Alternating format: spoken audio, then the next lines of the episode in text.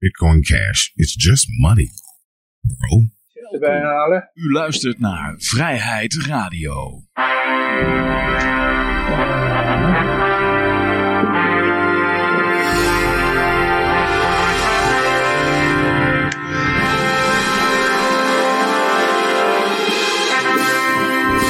Ja, dames en heren, jongens en meisjes, dit is weer een nieuwe aflevering van Vrijheid Radio. Leuk dat u luistert. We zitten hier gezellig in Café Libertaria met op dit moment Peter. En mijn naam is Johan.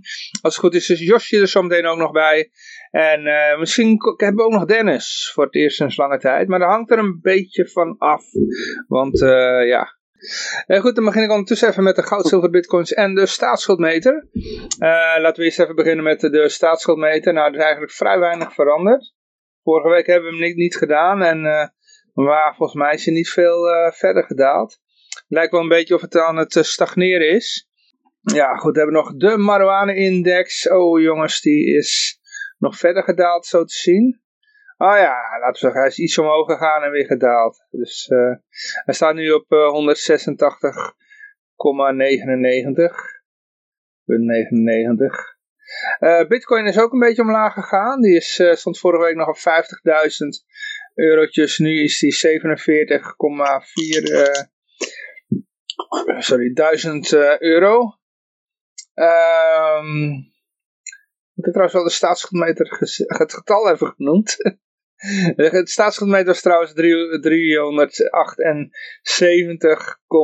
miljard in het rood. Ja. Nog zo'n vraagteken erbij. Vraagteken erbij? Die staatsschuld. Ja, of het wel echt klopt. Ja, dat is inderdaad de vraag. Ik, ik, ik weet niet of jij zomaar even de... Want je hebt geen computer voor je neus, hè? Dus dan zou je... De, weet je de goudprijs ook niet echt, hè? Ja, die heb ik wel. Ik heb wel oh. een telefoon hier. Ah, ik weet okay. alleen... Uh, uh, goud en zilver is... Goud is 1743 en zilver 25 dollar 26 en de olie is 58, 71 dollar per vat. Oké. Ja, ik zal ondertussen even de chat erbij halen. Oh ja, die moet nog even geladen worden. Uh, ja, dan gaan we even naar de berichten toe. Um, ja, we beginnen eerst met een, met een crypto berichtje. En dit is, even kijken. Ja, uh, de rechtszaak van Ripple. Ik weet niet of je al op de hoogte was, uh, Peter, hoe, hoe dat gelopen is. Nou, ik zag Ripple opeens met uh, 50% of 100% omhoog gaan of zo. Dus, ja, ja.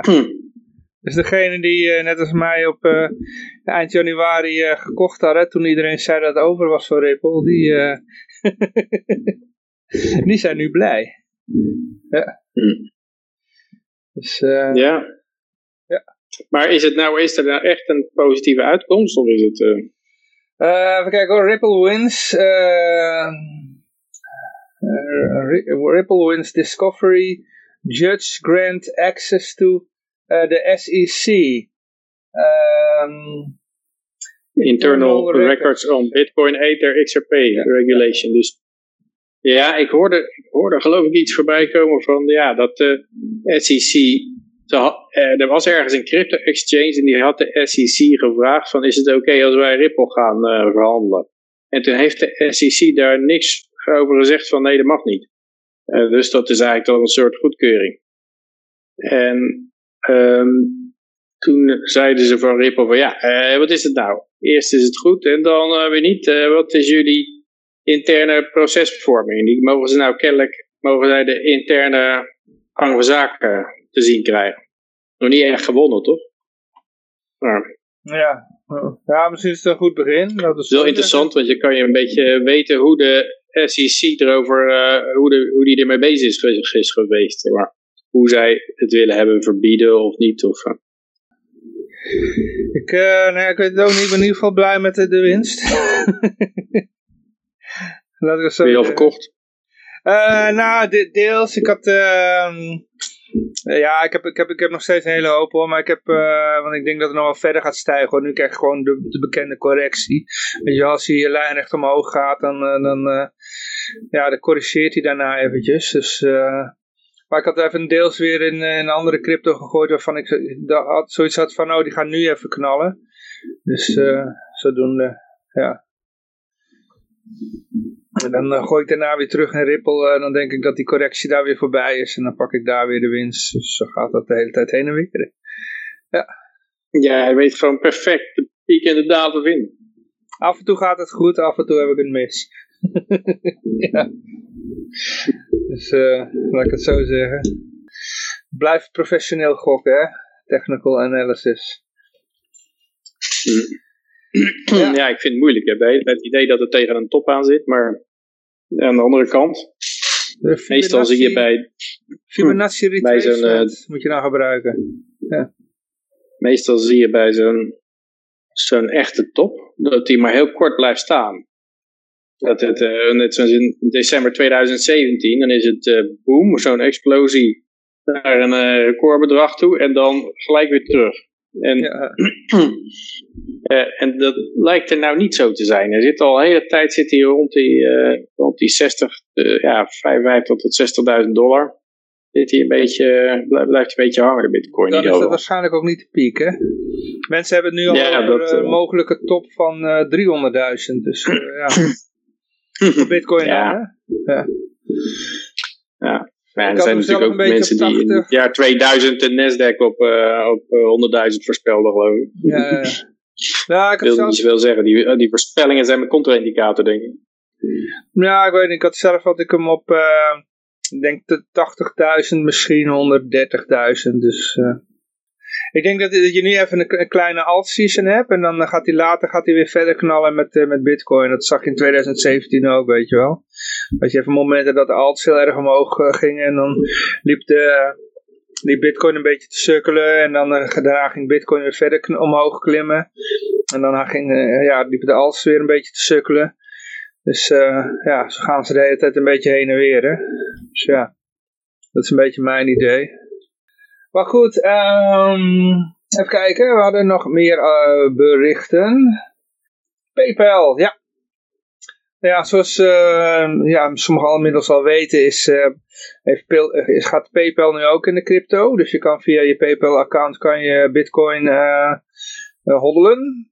Maar ja, daarnaast hebben ze het ook opengegooid voor andere crypto's. Onder andere Bitcoin Cash en Litecoin. Ethereum, Ripple geloof ik ook. Maar eh, even kijken hoor, je kan nu ook uh, in je PayPal account, ja, het, begint steeds meer op een exchange te lijken. Dus je kan ook nog uh, jouw crypto die je daar uh, vasthoudt, kun je daar ook nog omruilen voor fiat geld. En te, ook tegen elkaar wisselen. Ja. Dus het wordt gewoon, PayPal wordt gewoon een exchange. ik eerder begrepen had, dat, dat, dat je de bel bitcoin in kon knallen en er niet uit kon halen. Ja, nou ja, het is, hier staat dus dat je het weer tegen euro's of dollars kan omwisselen. Ja, en dan kan je het uitgeven, ja. Ja, ja, ja, ja. Maar je kan er geen crypto afhalen. Nee, nee, dat niet, nee, nee. Kan ja, dan wordt het een soort Coinbase eigenlijk. is een soort zwart gat waar alle crypto in verdwijnt. Ja, ja, ja. ja volgens mij kan je het ook wel weer van, van Coin, bij Coinbase kan je het er ook al afhalen hoor. Dus, uh, maar ja, dat, dat, dat uh, ja, het wordt wel, ik heb het inderdaad laatst wel gedaan. Ik had, ik had nog, ik had nog zo'n Coinbase account waar nog wat op stond. In het begin, ik, ben, ik ben toen me daarmee gestopt omdat je, ja, het was heel lastig. Ik wilde ik iets van afhalen en dan nou, duurde het een week voordat het in mijn wallet zat. En ik heb het laatste keer nog wat vanaf gehaald, toen uh, ging het al wat sneller. Dus uh, was het in een paar minuten er. Dus ja. Ja, bij de meeste exchanges kan je wel crypto eraf halen, ja. Maar dat willen ze nou gaan maken. Bitonic heeft daar vandaag een rechtszaak over, over een, is een uitspraak geweest. Hoe, hoe is die gelopen? Ja, het is een, uh, wat was het nou? Een gedeeltelijk, ja, gedeeltelijk winstverhaaltje wel. Uh, dat de Nederlandse bank moest meer onderbouwen of zo waarom, ze dat, uh, waarom dat nodig was of zo. Mm -hmm.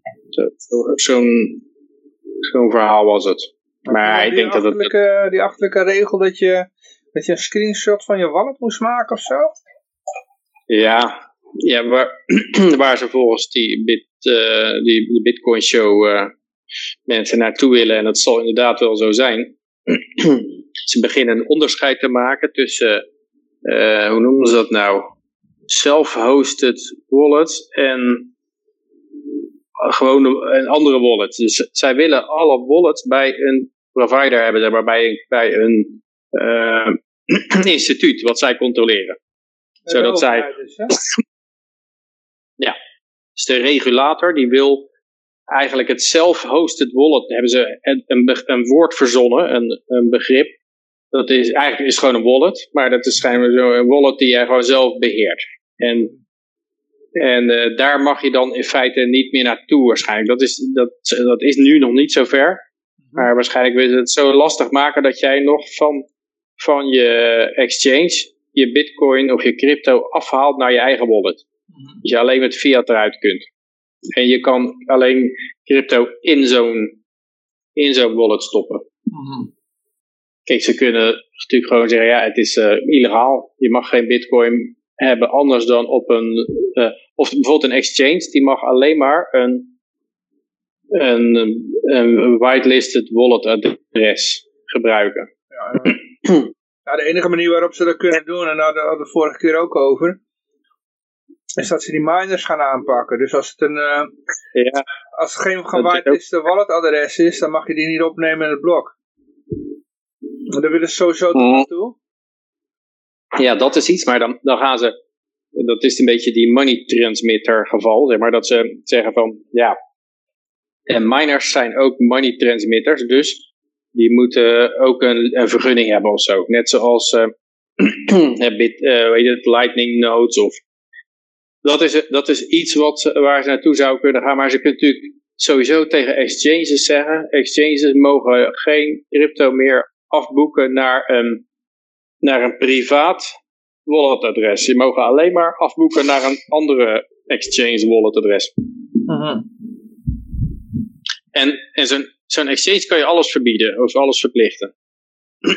Want uh, die, ja, de overheid weet waar ze wonen, dus die kunnen ze, die kunnen ze helemaal kapot maken.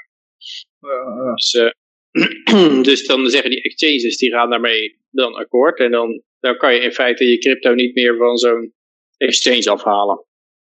Je kan het alleen verkopen en of naar een andere exchange sturen of uh, ja, en dan je euro's eraf halen. Ja, uh, ik weet niet. Ja, nou ja, laten we in ieder geval hopen dat het nog niet gaat lukken. Ja, ze gaan natuurlijk, ja, ze hebben, ze hebben geduld natuurlijk. Hè. Dus ze, ze trekken die stoutjes heel, heel langzaam, uh, trekken ze die steeds strakker vast. Hè.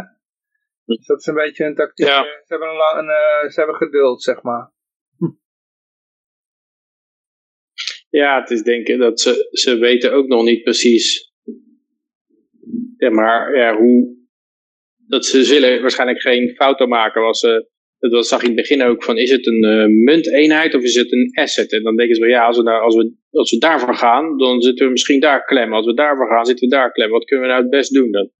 Is een beetje over te, te wikken en te wegen. Maar ik denk dat, ja, dit lijkt wel een pad dat ze zouden kunnen gaan gaan uh, volgen. Je kan natuurlijk een heel zwart circuit dan krijgen van, van mensen die uh, van bitcoins die, die tussen eigen private wallets heen en weer gaan.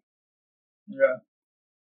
En dan is natuurlijk de, de vraag, als er ergens een lek in zit en, en ergens kunnen ze op een exchange kan je ze kwijt, dan, uh, ja, dan zijn, zijn die nog steeds waardevol. Ja. Weet je, net zoals Teters nou. Teters, dat zijn die zitten aan de dollar gelinkt. En het is niet zo dat ik een tether kan inwisselen voor een dollar overal. Maar ergens op de wereld kunnen ze tethers voor dollars inwisselen. En daarmee blijft die koppeling gewoon in stand. En blijft zo'n tether een dollar waard. Uh, nou goed, ja, dan gaan we even naar uh, het volgende bericht toe. Uh, KVR, de ministers op Fuck Corona Dinner. Ja. dat is het volgende bericht. Ja, daar waren we. Um, ja, dus er zijn een aantal uh, uh, Franse ministers die zitten op een uh, champagne caviar dinner van ja, het is 500 euro per couvert is het geloof ik. Mm -hmm. En ja, het is een beetje steun natuurlijk. Mm -hmm. Dat de gewone man die kreeg, die lag op het strand zonder mondkapje en die kreeg een met een mitrailleur bewapende uh, eenheid voorbij van de Franse politie om, om een boete te incasseren van uh, 100 euro of zo. Mhm. Terwijl de ministers uh, daar uh, zitten te eten voor 500 euro. Terwijl dat eigenlijk niet zou mogen volgens hun eigen regels. Nou ja, is... Uh, We zijn het wel een beetje gewend, hè? Dit is een bekend iets, hè? Ook de Fransen hebben grapperhausjes. Gasten hoeven geen mondkapje op. We willen dat mensen zich op hun gemak voelen. Dit is een private gelegenheid. We hopen dat u zich thuis voelt, vertelt de butler op de beelden op tv-kanaal M6. Maar is het gelekt of is het gewoon bewust uh, gewoon ja. uitgezonden? Ja, dat is... Uh, dat denk je wel vaker bij, bij die... Uh, Hugo de Jonge ook, die dan zonder mondkapje in de supermarkt staat. En al die lui die, die allemaal zonder mondkapje dingen aan het doen zijn. of ze dat gewoon expres doen. Even te laten zien van, hé, hey, ik, ik, ben de baas. We hebben een bovendaan en een onderdaan. de organisator van het evenement zegt tegen de Franse journalisten dat het zeker geen incidentele uitspatting betreft. Heel gebruikelijk noemde hij het evenement. Ik heb deze week in twee of drie restaurants gegeten met enkele ministers. Geen probleem, vindt hij. We zijn nog steeds een democratie. U kunt doen wat u wilt. ja, right.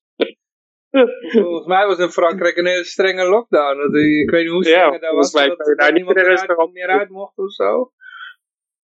Ook advocaten, beroemdheden uit de showbiz en enkele bekende zakenlui zouden aanschuiven. Namen van ministers worden niet genoemd. De organisator wordt in de tv-uitzending onherkenbaar gemaakt, maar in de Franse media wijst iedereen naar Pierre-Jean Chalençon, eigenaar van het statige paleis Vivien, gelegen in Hartje Parijs, tussen het Louvre en Sacré-Cœur, waar de opnames mogelijk zijn gemaakt.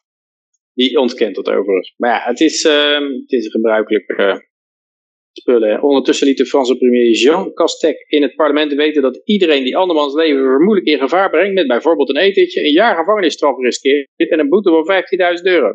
Hmm.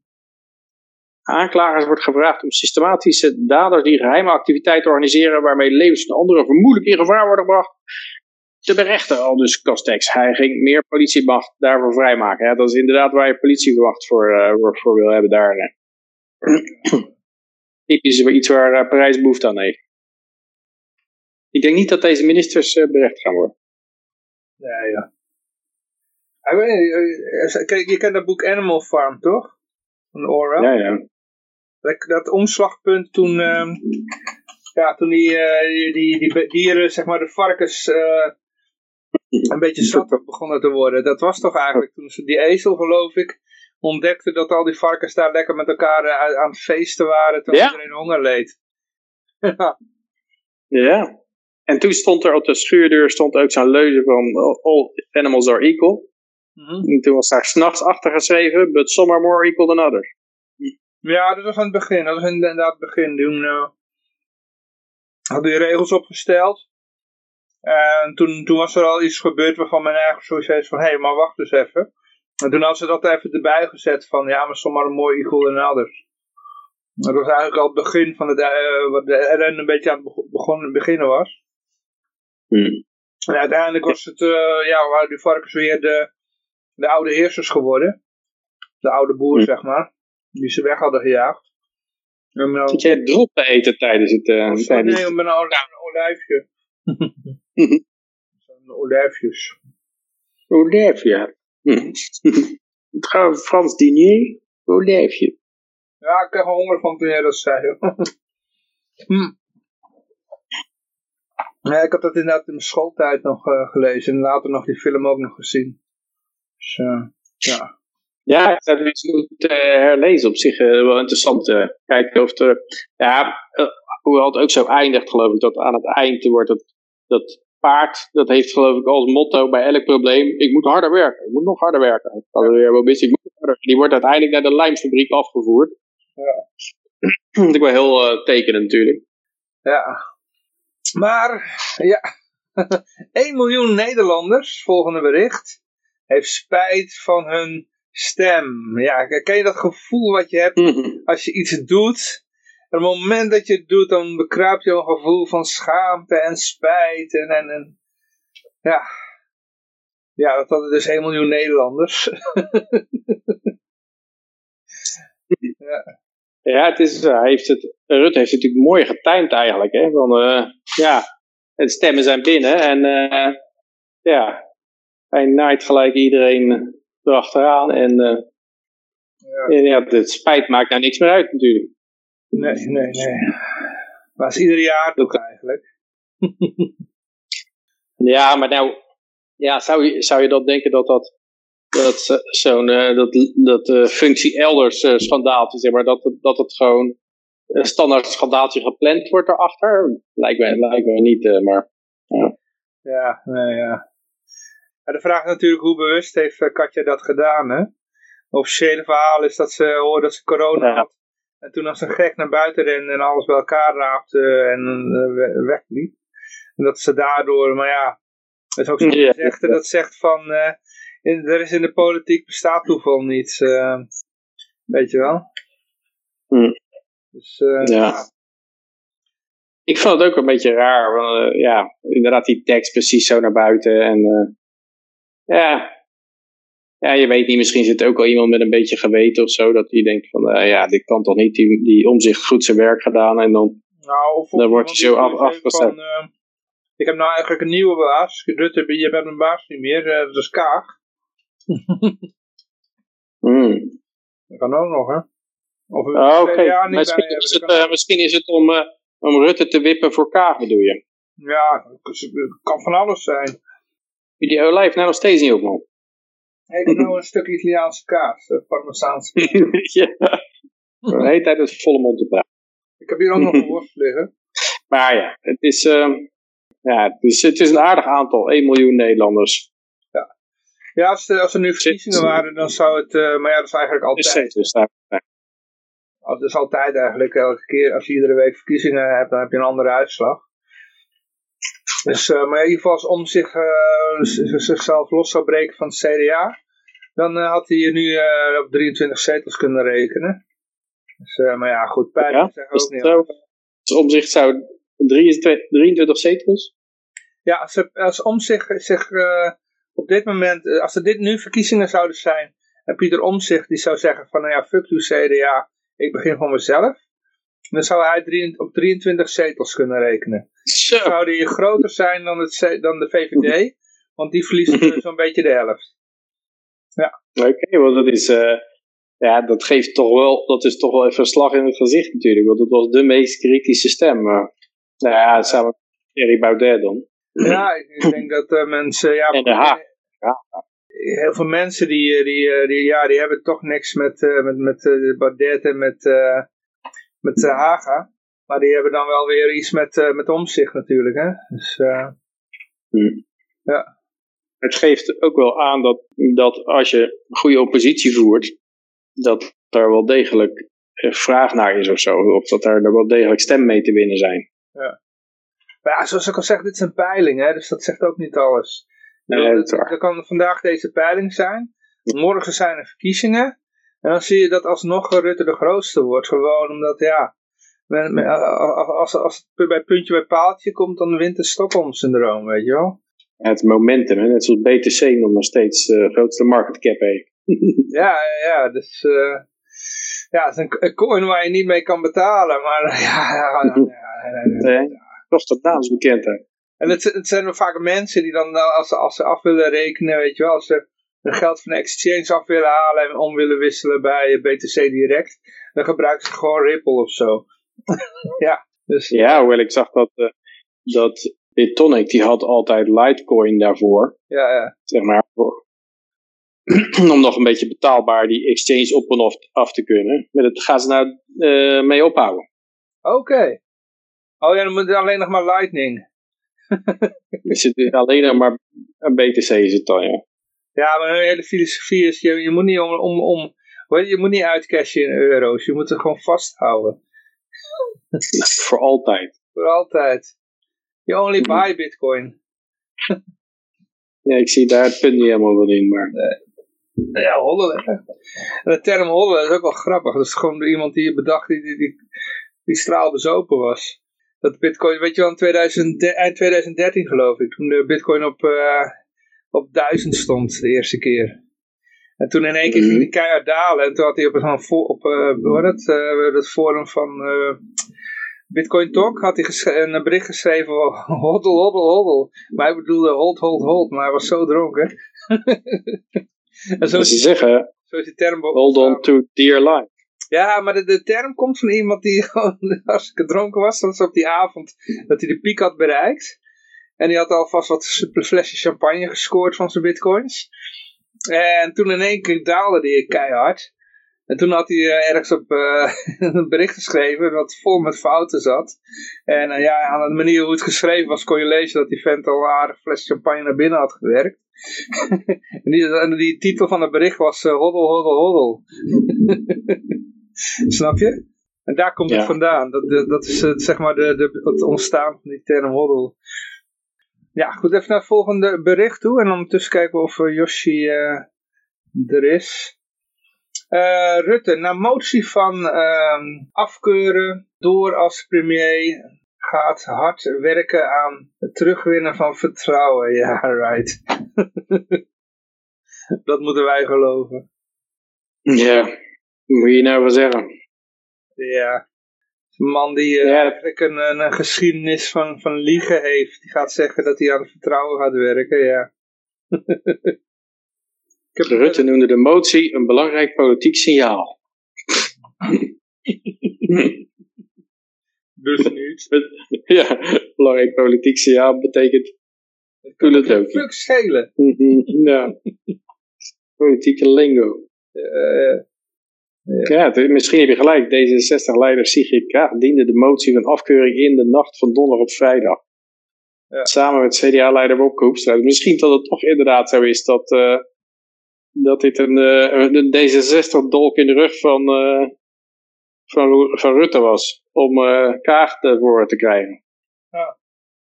Maar Rutte zegt gewoon, ik ga door als minister-president. Het is eigenlijk ongelooflijk dat je dat gewoon kan zeggen. Ja, heeft ja, nee. deze achter hem. Ik blijf gewoon minister-president. Mhm. Fuck you. En uh, ik ga hem stikken, stikken de best voor doen. Nee, ik heb toch sorry gezegd. Kaag zei dat zij zelf niet zou zijn doorgegaan als ze in Rutte's schoenen had gestaan. Maar ik ben een ander mens. yeah, right. Volgens mij van de vaak hetzelfde pak. Ja. Mijn leugens hebben jullie nog niet gehoord. is wat in de chat. Ik zie, oh, ik zie de beroering in de chat, jongens koken met Yoshi. Yoshi is toch onderdeel van de show. Ja, hij heeft eigenlijk een uh, sabbatical. Maar hij zei vanavond dat hij nog even erbij zou komen, maar hij moest nog even uh, uitgebreid eten. Hij had, uh, net had om zes uur zijn eigen show.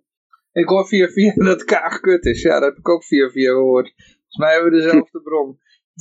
Kutkaag. De kutkaag, ja. Trending, trending op Twitter geloof ik. Ja, er was er nog een eh, artikel geschreven door iemand van... Als ik een, die zak voorbij kom, ik heb het verder niet gelezen, maar ik vond de titel wel grappig. Uh, als je een pistool tegen het hoofd, uh, als iemand een pistool tegen je hoofd zou houden en dan zou vragen, wil je liever Rutte of Kaag, dan toch liever Rutte. maar ja, toen had ik zoiets, en heb ik een filmpje onder gepost van hoe je moet reageren met zelf, self-defense tactieken hoe je zeg maar een, uh, iemand een pistool uit de hand kan slaan, terwijl als hij dat tegen je hoofd aanhoudt. Dus ja, die optie is er ook nog. Mm. Ja, dus ja, dan moet je maar googlen op disarm gun to the head bij uh, YouTube. Dan krijg je dat soort uh, filmpjes te zien. Hm. Ja, de politici, het is altijd weer lastig, lachen, want ik in Amerika, nou, vandaag in het nieuws, die hebben vier jaar lang hebben we gehoord dat die muur van Trump, dat was gewoon een racistische white supremacist muur. Dat was gewoon het ergste wat je maar voor kon stellen. Oh mijn god, wat was die muur erg. typisch. En nu gaat Biden ermee door inderdaad. Ja, tuurlijk. en dat was ook wel lastig.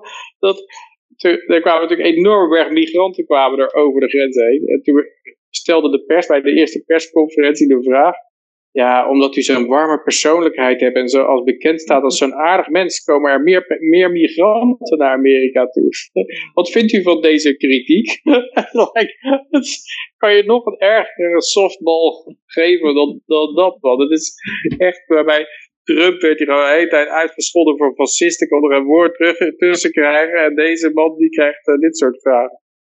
En dan gaat hij gewoon met die muur verder. Dus het is gewoon hilarisch om de media te zien worstelen om, om hier nou weer een punt aan te draaien. Nou moet het opeens een geweldige muur zijn natuurlijk. Er zal wel, zal wel rainbow color opkomen of, of een Black Lives Matter muur zal het wel worden. Of, Ja, ja. Of zullen de muur naar een bekende... vernoemen naar een bekende... LGBTQ-muur. Nee, ze zullen de muur vernoemen naar bekende activisten uit de jaren 60 of zo. Mm, De jaren 30 of zo. Martin Luther King muur. Ja, zoiets. Of, eh die, die Martin Luther King is ook uh, afgeserveerd, hè? Oh ja? Ja, en zelfs Obama, die, uh, die, die de, ja, het, het, doet heel erg denken aan de, uh, de Spaanse Inquisitie of aan die, die, die Jacobins in, in Frankrijk. Dat ze inderdaad, de revolutionairen die gaan hun eigen kinderen opeten. Dus je ziet dat, dat ja, er zijn al een heleboel mensen niet meer voldoende zuiver op de graad aan de linkerkant. En die moeten dan ook het veld ruimen. Is Obama nou ook afgeserveerd? Dan, uh... Nou ja, dat beginnetje was er. Dat, uh, ik weet niet meer precies wat ze uh, daarover hadden, dat hij fout had gedaan. Dat maar gebruikt ja. tegen moslims. Nee, nee, het, het, was niet iets wat ook daadwerkelijk erg is, zeg maar. Van hij had een secret kill list of, of hij heeft het torture-programma gedaan of, uh, of nou ja, dat soort dingen. Nee, het was weer zoiets onnozels, net zoals bij Cuomo. Het, was, uh, het is niet dat hij duizenden mensen de dood in heeft verjaagd. Nee, dat is niet het probleem. Het probleem is dat hij iemand in de billen kneep. Dat was, het, dat was uh, wat het probleem was. Of een of ander bonnetje of zo, niet goed ingevuld. Of oh, man. fout gedeclareerd. Ja. We kunnen het nog even over Oekraïne hebben misschien. Ja, Dan, uh, vertel, vertel, vertel. Nou ja, hier in de Oekraïne, daar zit natuurlijk, is er toch wel een soort oorlog gaande. Mm -hmm. En dat gaat dan, ja, ooit was de Krim was door Rusland geannexeerd. En ja, dat is altijd een beetje een vreemd verhaal, want de Krim hoorde eigenlijk altijd al bij Rusland. Maar tijdens de Sovjet-Unie heeft Khrushchev geloof ik even een keer gezegd van nou ja, weet je wat, uh, brengen we bij de Oekraïne onder. Maar dat maakte niet uit, want het was toch allemaal één grote Sovjet-Unie. En men dacht toch niet dat het ooit uit elkaar zou vallen. Ja. Maar toen viel het uit elkaar. Toen waren ze, was Rusland opeens de Krim kwijt. Waar ze een, een hele marinehaven eigenlijk altijd hadden. En toen braken de spanningen uit met uh, Oekraïne en Rusland. En toen heeft Rusland de Krim ingenomen. En ik weet niet precies hoe dat ingenomen is. Hoor. Ik geloof dat ze nog wel verkiezingen hebben gehouden. En ik denk ook ja, dat ze die verkiezingen wel kunnen winnen. Omdat er heel veel Russische, etnische Russische mensen zitten. Maar die zitten er ook in het oosten van uh, Oekraïne, in Luhansk en Donetsk uh, regio. En, en die zijn eigenlijk ook, uh, ja, die willen eigenlijk geen onderdeel uitmaken van een soort anti-Rusland coalitie. Dus er is een oorlog gaande van, van het centrale regime met, met die twee oostelijke provincies. En nou heeft de president van Oekraïne, die zei geloof ik gisteren of eergisteren, zei die van ja, de enige manier om de oorlog in de Donbass te eindigen is om lid te worden van de NATO. Ja, lid worden van de NATO, dat leverde gelijk op dat, uh, dat Rusland een enorme berg troepen en militair materieel naar de grens stuurde. Want dat is, daar, ja, daar trekken zij geloof ik toch wel de grens. Dat ze, ze willen geen NATO-lid aan hun grens hebben. En uh, ja, dus ik heb het idee dat, dat dat niet de manier om een oorlog te vermijden is om bij de NATO aan te sluiten voor de Oekraïne, maar het is de snelste manier om de oorlog te krijgen. Dus dat ja. is wel een beetje, een beetje zorgwekkend hier, denk ik. Ja. En ik denk dat het, ja? dat het ook heel moeilijk wordt, want de, ik denk dat de NATO zal wel een hoop militaire steun kunnen geven en zo. En die zijn natuurlijk veel groter dan Rusland, maar ik denk dat dat ja, ze hadden ook, uh, Amerika had ook kunnen winnen in Irak of in Afghanistan. Dat hebben ze ook niet kunnen doen. dus ja. Ik denk niet dat het winnen het doel is, hè? Het is gewoon heel moeilijk om, om te winnen als, je, als de bevolking tegen je is. Ja. Dus dan uh, lijkt mij dat dit ook weer een, uh, een bodemloze put wordt. Van levens. Ja. Ja, maar ik denk ook niet dat winnen het doel is, persoonlijk. Ja, dat, uh, dat is ook een Orwell-uitspraak. The war is not meant to be war, uh, won. It's meant to be continuous. Net zoals de COVID-pandemie niet de bedoeling dat we het virus verslaan. is de bedoeling dat, uh, dat het eeuwig blijven staan. Dat ze continu uh, nieuwe vaccins kunnen verkopen. Booster shots, lockdowns. Uh, ja, weer een booster shot, weer een nieuw vaccin. Dus weer een nieuwe variant. Nou is een climate lockdown. Zo gaan we doen. ja. Kippen blijft toch in je hok, potverdorie. Ja. Um, ja, ik weet niet, ja, goed, ja, nou ja, ik zie... Ja, er wordt, er wordt nou gezegd dat de oorlog tussen Oekraïne en Rusland zeer waarschijnlijk wordt. Hè? Oh. Dus ik denk dat, uh, ja, ik verwacht dat, er zijn natuurlijk al langer geleden zijn er een hele hoop mensen hier weggevlucht. Die bijvoorbeeld zonen hadden of zo. die niet wilden dat hun zonen in het leger moesten gaan vechten. Maar uh, ja, dat is, uh, ja, het is, is, natuurlijk heel sneu als je wordt voor militaire dienst wordt opgeroepen om voor een of ander stukje turf te vechten. Wat dan niet onder één heerser, maar onder een andere heerser moet vallen. Maar hoe jij, je, kan jij je vriendin daar wegkrijgen, denk je? Ja, alle papieren, op zich, uh, papieren zijn op zich in orde. Dus zou in oh, ja, juni, juli zou het kunnen gebeuren. Oh, hopen dat het in ieder geval dan niet uitbreekt. Ja, nog eventjes voor die tijd. verduren. ik denk dat het dan eerst in het oosten zal zijn in ieder geval. Dan nog even, uh, het zal niet zo snel Kiev uh, komen. Maar als jij... ja, het kan best wel zijn dat, er, dat het gemobiliseerd wordt of zo. Of dat er... Ja, dat er... We zijn er al, uh, zijn er al aan het oefenen, hè, dus, in die regio. Dus dat was al een teken. En er was een wapenshow geweest. Wat ook al een teken hmm. is, dat er, uh, de pleuris gaat uitbreken. En er wordt gereageerd in de chat. Nou ja, het, de grote angst is natuurlijk altijd dat het een soort Syrië wordt. Hè? Dat, dat supermachten in zo'n gebied uh, een oorlog gaan uitvoeren die eigenlijk over gaspijpleidingen gaat en zo. Want het hele verhaal is natuurlijk dat, dat uh, Rusland, die voert nu gas uit naar Europa door de Oekraïne. En hebben ze in de Oekraïne dus er per se geen, geen uh, gas uit Rusland kopen. Dus dan doen ze dat gas eerst wordt verkocht in Europa en dan gaat het met een, met een markup gaat het vanuit Europa weer terug naar Oekraïne. Dan kopen ze met een, met een extra op, opslag. Maar dan kopen ze van Europa, niet van Rusland. Maar uh, het punt is natuurlijk dat er een Nord Stream 2 pipeline van Rusland naar Duitsland komt. En ja, die wordt met alle macht tegengewerkt ook. Want als die er ligt, dan is die sleutelpositie een beetje weg van de Oekraïne. Waarmee dat uh, Russische gas naar Europa kan worden verkocht. Dan zijn ze hun, hun leverage een beetje kwijt. Dus de Amerikanen zijn ook heel erg op tegen op die gaspijpleiding. Nou, en het verhaal was dat Syrië eigenlijk ook over gaspijpleidingen ging. Maar dan vanuit gas dat uit Qatar komt. En via uh, Syrië naar Europa zou kunnen gaan. En daar zit dan uh, Syrië tussen, oh, die, die zeg maar vriendjes met Poetin is. En die gaan dat dan natuurlijk, ja, houden dat tegen. Dus daarom moet die Assad weg eigenlijk vanwege die uh, gaspijpleiding. Maar ja, ja, Syrië is natuurlijk helemaal gerubbelized door al die, al die rebellen en proxy-troepen en ja, al dat schorrimorrie dat daar loopt te vechten ja, als je dat in uh, Oekraïne ook gaat krijgen, krijgen, word je niet happy van. Uh-huh. Ja, ik, ik, las nou dat uh, de bevolking op Urk heeft herd immunity bereikt, of groep, groepsimmuniteit. En ik las ook dat de Amish, die, die lui die alleen maar in een paard en wagen rijden en geen televisie hebben en zeker geen vaccins gebruiken, die hebben ook groepsimmuniteit bereikt voor corona. Dus, dus en tegelijkertijd is de directeur van de CDC, die dan de Master of Science is, die, die staat te janken voor de televisie dat ze zo bang is. Dus, dus we hebben de jankende CDC-director en de AMI's die gewoon groepsimmuniteit hebben. met hun horse buggy. Dus ik zeg, uh, paard en wagen, science 1-0.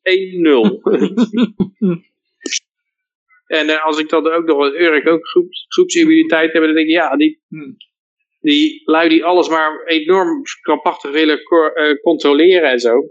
En wat, wat wel een punt is, denk ik, en dat zag je in Californië en in, in Australië ook, eh, dat, dat er een heleboel van de milieutoestanden bewegingen zijn die zeggen nee, je mag geen, kap, geen hout kappen. En als je dat niet doet, als je, als je een hele tijd niet kapt, Mhm.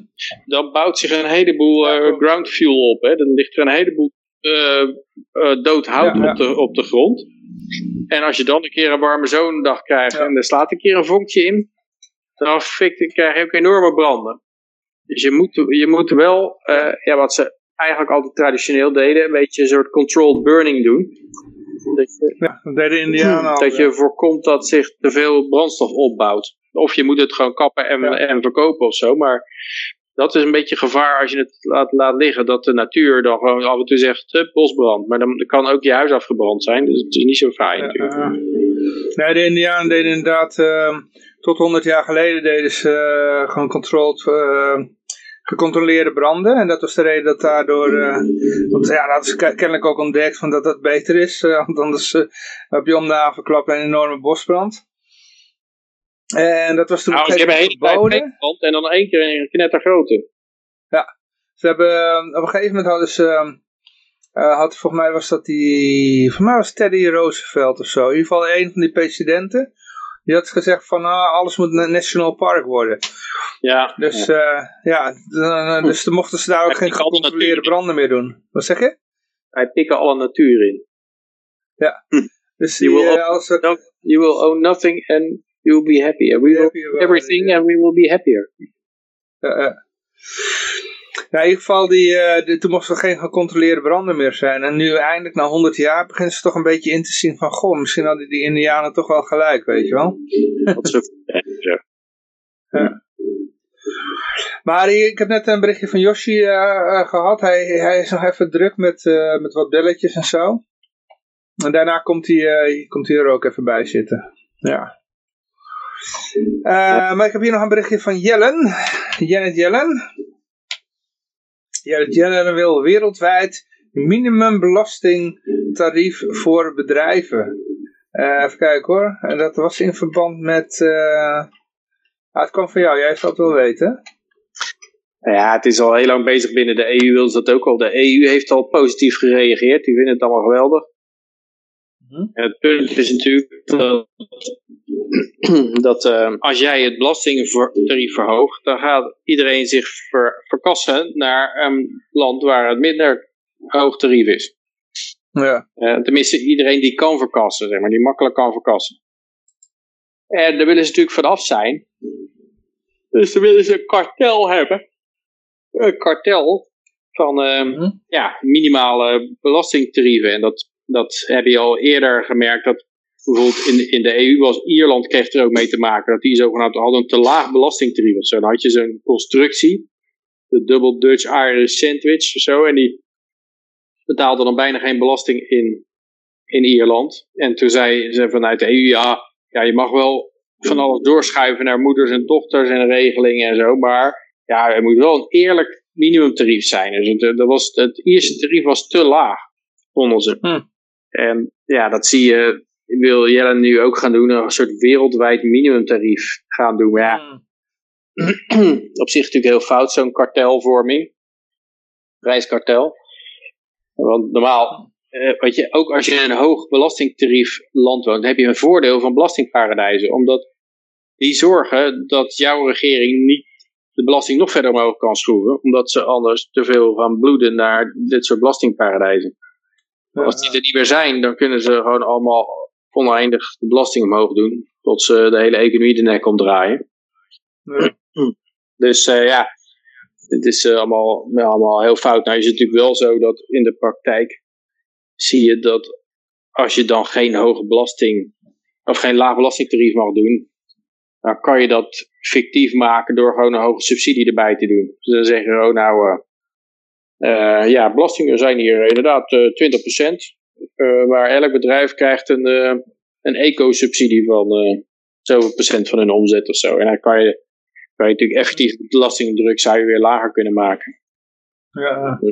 Ik had, Maar ik had trouwens ja, nog... dat zijn natuurlijk toch foute ontwikkelingen. Maar als een bedrijf dat zou doen en die zou zeggen van eh, een aantal bedrijven zouden gaan samenspannen om, om de prijs van, eh, weet ik veel, eh, boter eh, op een bepaald minimum te krijgen, dan zou de kartelwaakhond erin springen om te zeggen, oh, kartelvorming, hup, een enorme boete.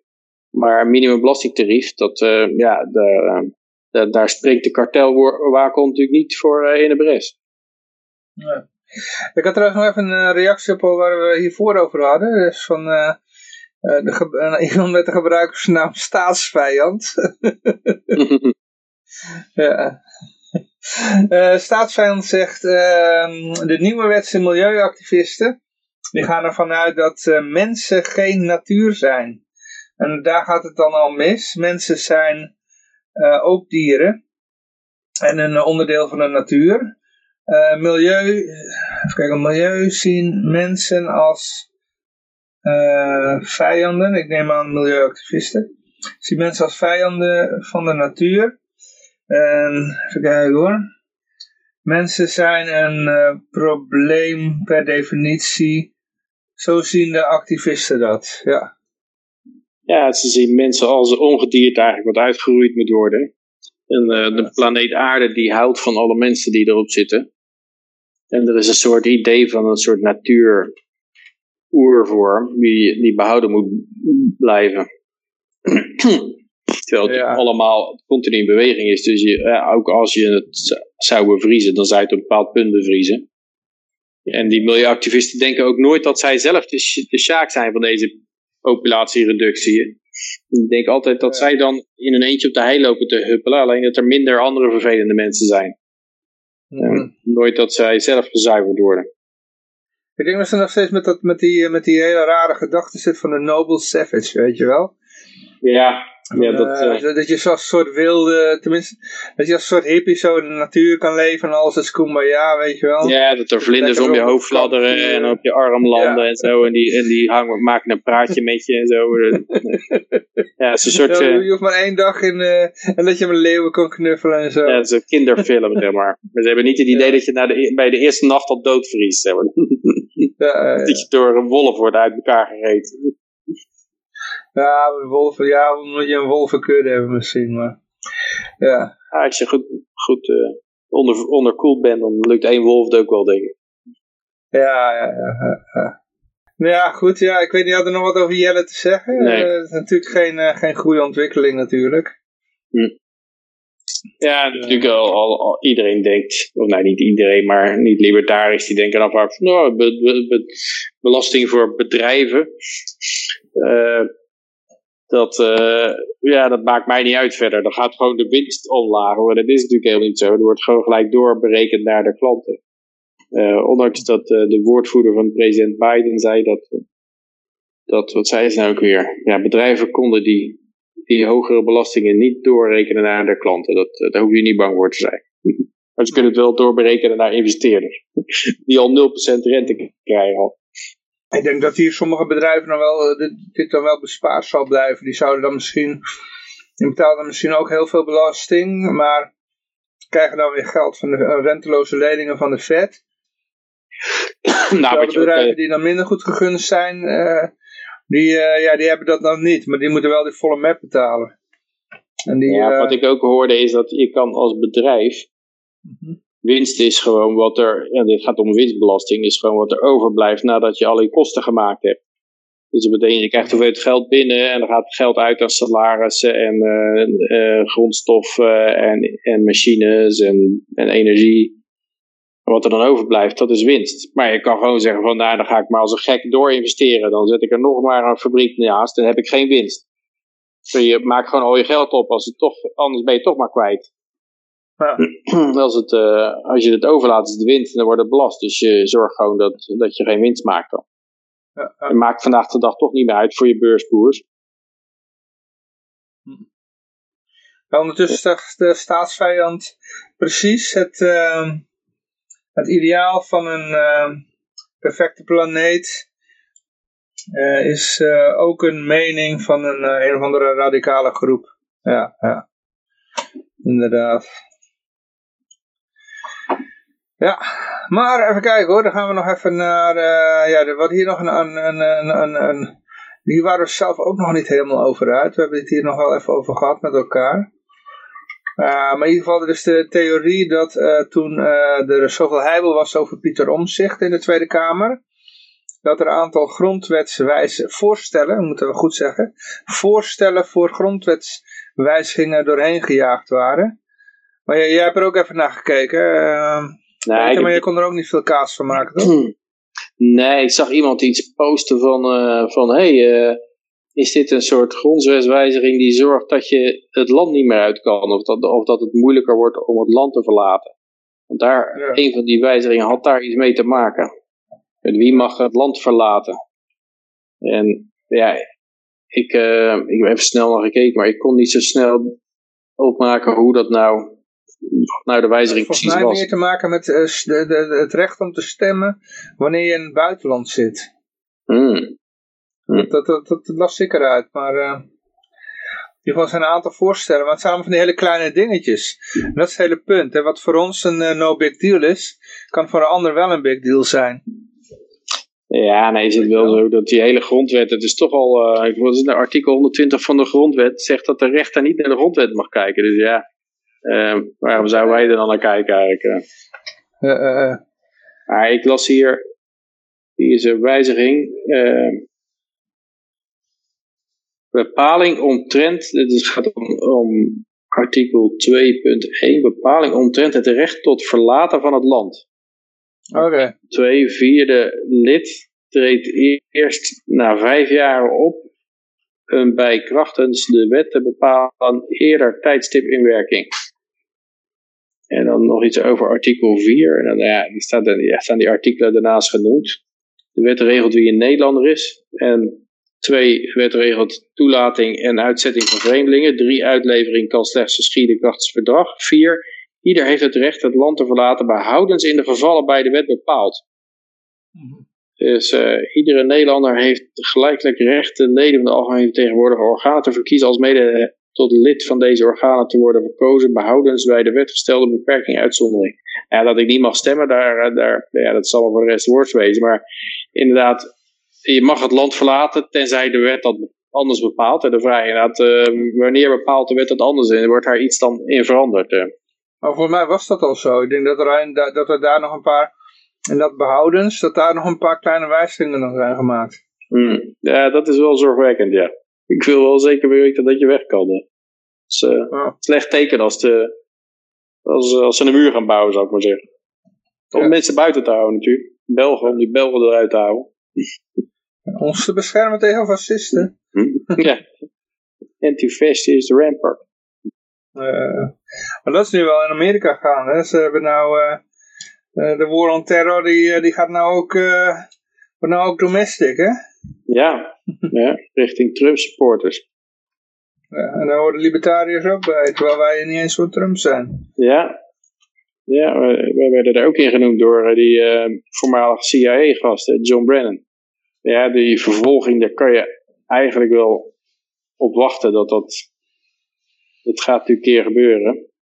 Mm dat, uh, ja, ze, ze voeren dat alleen maar, alleen maar verder op de agressie altijd en de irrationaliteit. En ik denk dat het inderdaad pas ophoudt als, als uh, de geldpers ver, verliezen.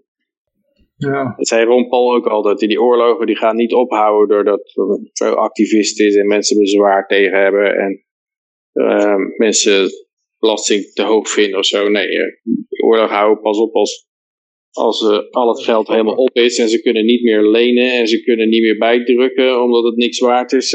Of het even hard in waarde vermindert als ze het bijdrukken. En nou, als, dat, als dat afgelopen is, dan pas houdt die oorlog op. En ik denk ja, dit soort, uh, ja, dit soort vervolgingen. Ik ben benieuwd wat ze gaan doen. Ze dan, we hebben natuurlijk in Amerika al de grootste gevangenispopulatie ter wereld. Gaan ze nou de, de, de op Trump hadden geloof ik 80 miljoen mensen gestemd. Gaan ze die allemaal uh, plus libertariërs. 81 miljoen. Gaan ze die allemaal in de gevangenis gooien? Nou, meestal pakken ze alleen de leiders natuurlijk, hè? degene met een netwerk. Mm. Dus, uh, ze, ze, natuurlijk, ze kunnen niet de hele, de hele toko erin gooien. Dus, uh, en dan daarnaast, uh, volgens mij, met die lockdowns, volgens mij waren Maakt het niet eens uit of je nou nog vrijer. thuis. ja, in de gevangenis waren ze al vrijer. Daar kun je nou, nog sporten. ik las een uh, boek van, nou ik heb het boek niet gelezen, maar een samenvatting van die Butina, die Rus die, die uh, naar Amerika was gegaan als, die was daar gun-activist en die had ook wat gehad met die, met die directeur van Overstock. Uh, dat is een oh, libertariër. Ja. En op een of andere manier kwam zij verzeild in een of ander steekspel dat zij opeens de, de pineut was voor de Russia Collusion. Want zij, zij, had, uh, zij was een Russische spion. Is in, de, is in de gevangenis gegooid. En met dat het hele Rusland verhaal eigenlijk met een sister afliep en nergens zo bleek uh, gebaseerd te zijn, is zij ook weer vrijgelaten. Maar die heeft er een boek geschreven over wat ze meemaakte in die Amerikaanse gevangenis. Maar uh, er, zitten, er zitten enorm veel mensen die daar maar een change ondergaan. Om mhm. dan een, uh, om dan een partnertje te kunnen zijn, zeg maar. Dat je dan, uh, dat je dan nog uh, kan, een beetje kan overlezen in de gevangenis. Oh, ja, ja, ja. ja. Dus dan, ja, dan word jij maar het mannetje, zeg maar. Dan neem je gewoon een heleboel mannelijke hormonen en dat wordt vergoed ook door de, en dan ontstaan er een soort pseudo-stelletjes erin. Dus daar, dan zit ik toch liever in mijn huis opgesloten. Dat, dat, dat ik een eh, gratis uh, hormoonbehandeling tot vrouw ondergaat. Om, om, uh, om een partner te kunnen zijn van, van Bubba. ja, je hoort het, Fur, die heeft ook een, een filmpje gepost over de prison economy. En hij heeft ook in de gevangenis gezeten. Mm Voor het verkopen van vuurwerk via eBay. Hij was alleen maar een tussenhandelaar, hè? dus er werd al vuurwerk verkocht. Maar jij kan zeg maar uh, als, als bemiddelaar de, erin spelen, affiliate heet het dan. Dus jij bent niet eens letterlijk de aanbieder. Je verkoopt alleen maar partijen door van een ander. Hmm. En uh, nou ja, dat, dat deed hij dan. En uh, net als zoals hij is daarmee miljonair mee geworden met het doorverkopen van dingen. Vooral computeronderdelen. En in ieder geval, hij is toen gepakt voor die, het doorverkopen van van, van, van rotjes, gewoon uh, vuurwerk. En uh, op, op basis van het uh, ja, soort terrorism act, dat die explosief doorverkocht of zoiets. Dus ehm, in ieder geval, hij heeft toen een, heel, een leuke videoserie gemaakt en daar vertelde hij ook over prison economy. Dus hoe in de gevangenis een tot echt een, een complete economie is. Dus en mensen, dat, ja, hij vond dat hmm. reet interessant. Dus uh, ja, mensen verkochten alles. En uh, ze leverden ook allerlei diensten. Dus als jij ergens goed in was, dan uh, kon je daar in de gevangenis een redelijk inkomen mee vergaren. Hmm. Dus uh, het kon zijn dat je taallessen gaf aan iemand anders. Of dat je, ja, seks was ook een industrie daar. En, ja, die Butina, die Butina die zei dat dat uh, ja, alles is toch vrij duur. Zeg maar, telefoon, als je een belletje wil plegen of zo, dan uh, ja. ze maken alles vrij duur. Dus ja, ze zijn mensen werken daar eigenlijk een soort slaven voor, voor, weet ik veel, voor allemaal corporations die daar dan voor moeten betalen voor dat werk. En ja. uh, die mensen krijgen er dan een, een, ja, vrijwel niks voor. ja, omdat je allerlei dingen toch geld nodig hebt. Ja, gaan mensen zeg maar laten opbouwen tot vrouwtje of mannetje al die is gezind om nou, Roger had het meer over de illegale hij, had het meer over de agoristische uh, economie. Dus uh, dat mensen gewoon dus ja, tegenwoordig is inderdaad een heb je dan de private prisons. En daar moeten mensen dan eigenlijk slavenarbeid verrichten. Dus zwaar onderbetaalde arbeid verrichten. Hmm. en, maar hij had het meer over dat mensen daar bijvoorbeeld ja, als jij uh, celmaat... Ze betalen met van alles en nog wat. Hè? Zelfs met, met telefooncredits of met... Uh, hij noemde een paar dingen, ik weet het niet meer. Postzegels was geloof ik ook een uh, betaalmiddel. Dat heb ik van Adam Kokes gehoord, die ook in de gevangenis gezeten heeft. Maar men betalen met van alles en nog wat. En je levert ook diensten. Dus als, je, als jij met een Spanjaard op de, in de cel zat en jij kan geen Spaans, kan die Spanjaard jou, uh, Latino, die kan jou Spaans leren. Mm. Nou, dan zegt hij, nou ja, ik, ik weet dat jij postzegels hebt. Of bijvoorbeeld, nou ja, jij mag mij van achteren nemen, want dat vind ik lekker. En dan leer ik jou Spaans. Ja, bijvoorbeeld. Ja, kan. Dat seks was daar ook, uh, ja. Je had daar ook een seksindustrie in de gevangenis. Ja, dus, uh, ik hoorde. Ja. Want zij, die Bettina vertelde dat er, dat was dan in Australië geloof ik, was een man die was, die beweerde in ieder geval 2000 keer verkracht te zijn in de gevangenis. En wat je nou nog krijgt, ook al als ik vandaag is dat ingegaan in Californië, dat je wordt nu een gevangenis toegewezen naarmate het gender zoals jij je identificeert. Uh, er zijn al 266 mannen die hebben een overplaatsing aangevraagd naar de vrouwengevangenis, omdat ze zich als vrouw identificeerden. En dat is al eerder misgegaan met een gast die, die daar gewoon in uw gevangenis gelijk haar vrouw verkrachten.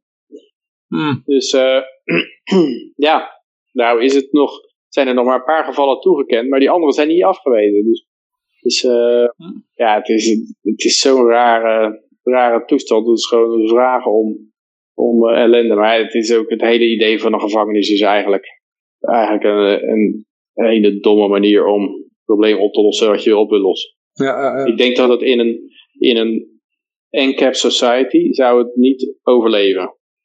Want je, uh, in ieder geval niet in zijn huidige vorm. Nee, nee. Want je moet, uh, de, slag, de slachtoffers moeten gewoon levenslang onderhoud betalen voor de daders.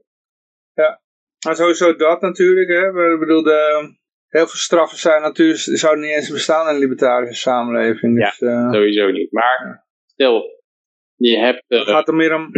een roof, je hebt iemand beroofd. Dan denk ik nog dat dat, dat, dat anders zou gaan. Want ja, je moet gewoon betalen, dus... Uh... Ja, maar dan kan je zeggen, nou, iemand heeft geen zin om dat te betalen. Maar dan kan je een rechtsorganisatie hebben waar je, waar er geen, die geen monopolie heeft, waar je vrijwillig lid van bent. En je zegt tegen de rechtsorganisatie, uh, zorg maar dat hij betaalt. Nou, hij wil niet betalen. Dan hebben ze contracten met allerlei alle, alle grond is namelijk privé daarin. Dus een, alle, alle water aanbieden, elektriciteit aanbieden, nutsvoorzieningen, allemaal privé.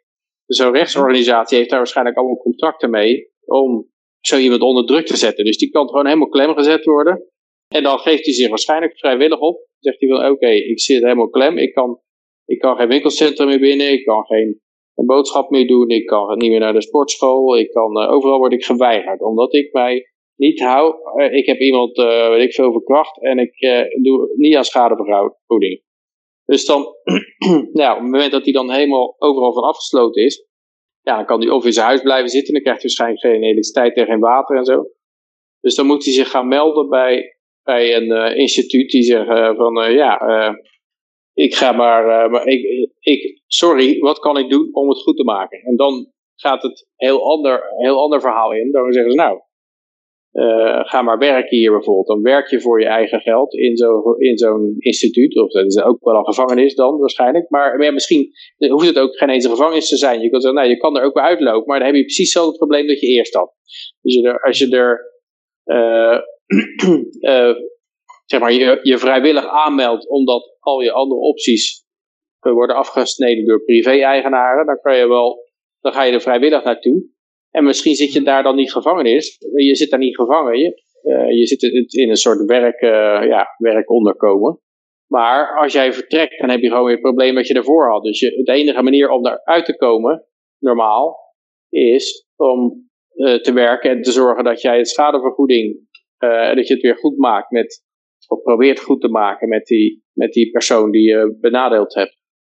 En pas als, als dan de die beveiligingsorganisatie of die rechtsorganisatie daarvan zegt, nou je hebt je schuld voldaan, dan kan je weer de samenleving in en dan word je ook weer overal toegelaten tot allerlei andere private eigenaren. Dus ik denk dat dat een veel goedkopere manier is en ook veel beter werkt, omdat het slachtoffer centraal staat erin. In onze strafmaat is de overheid die legt dan een enorme boete op. Dus jij slaat de persoon uh, A aan diggelen en dan komt de staat, die komt jou een boete opleggen. Maar jij, jij ja, uh, er is heel weinig van schadevergoeding naar de, naar de andere kant toe.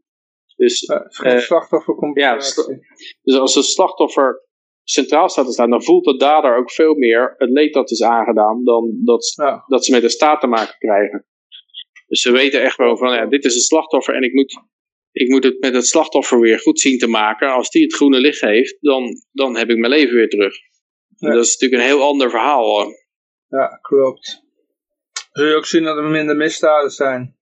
Ja, nee, wat jij zei, er zijn natuurlijk sowieso al een heleboel misdaden, die vallen gelijk al af. Maar, ja, sowieso. Uh, ik denk dat... Drugsgebruik. het, uh, oh, er wordt uh, gereageerd in de chat. die kan hij de, de wegenbouw in.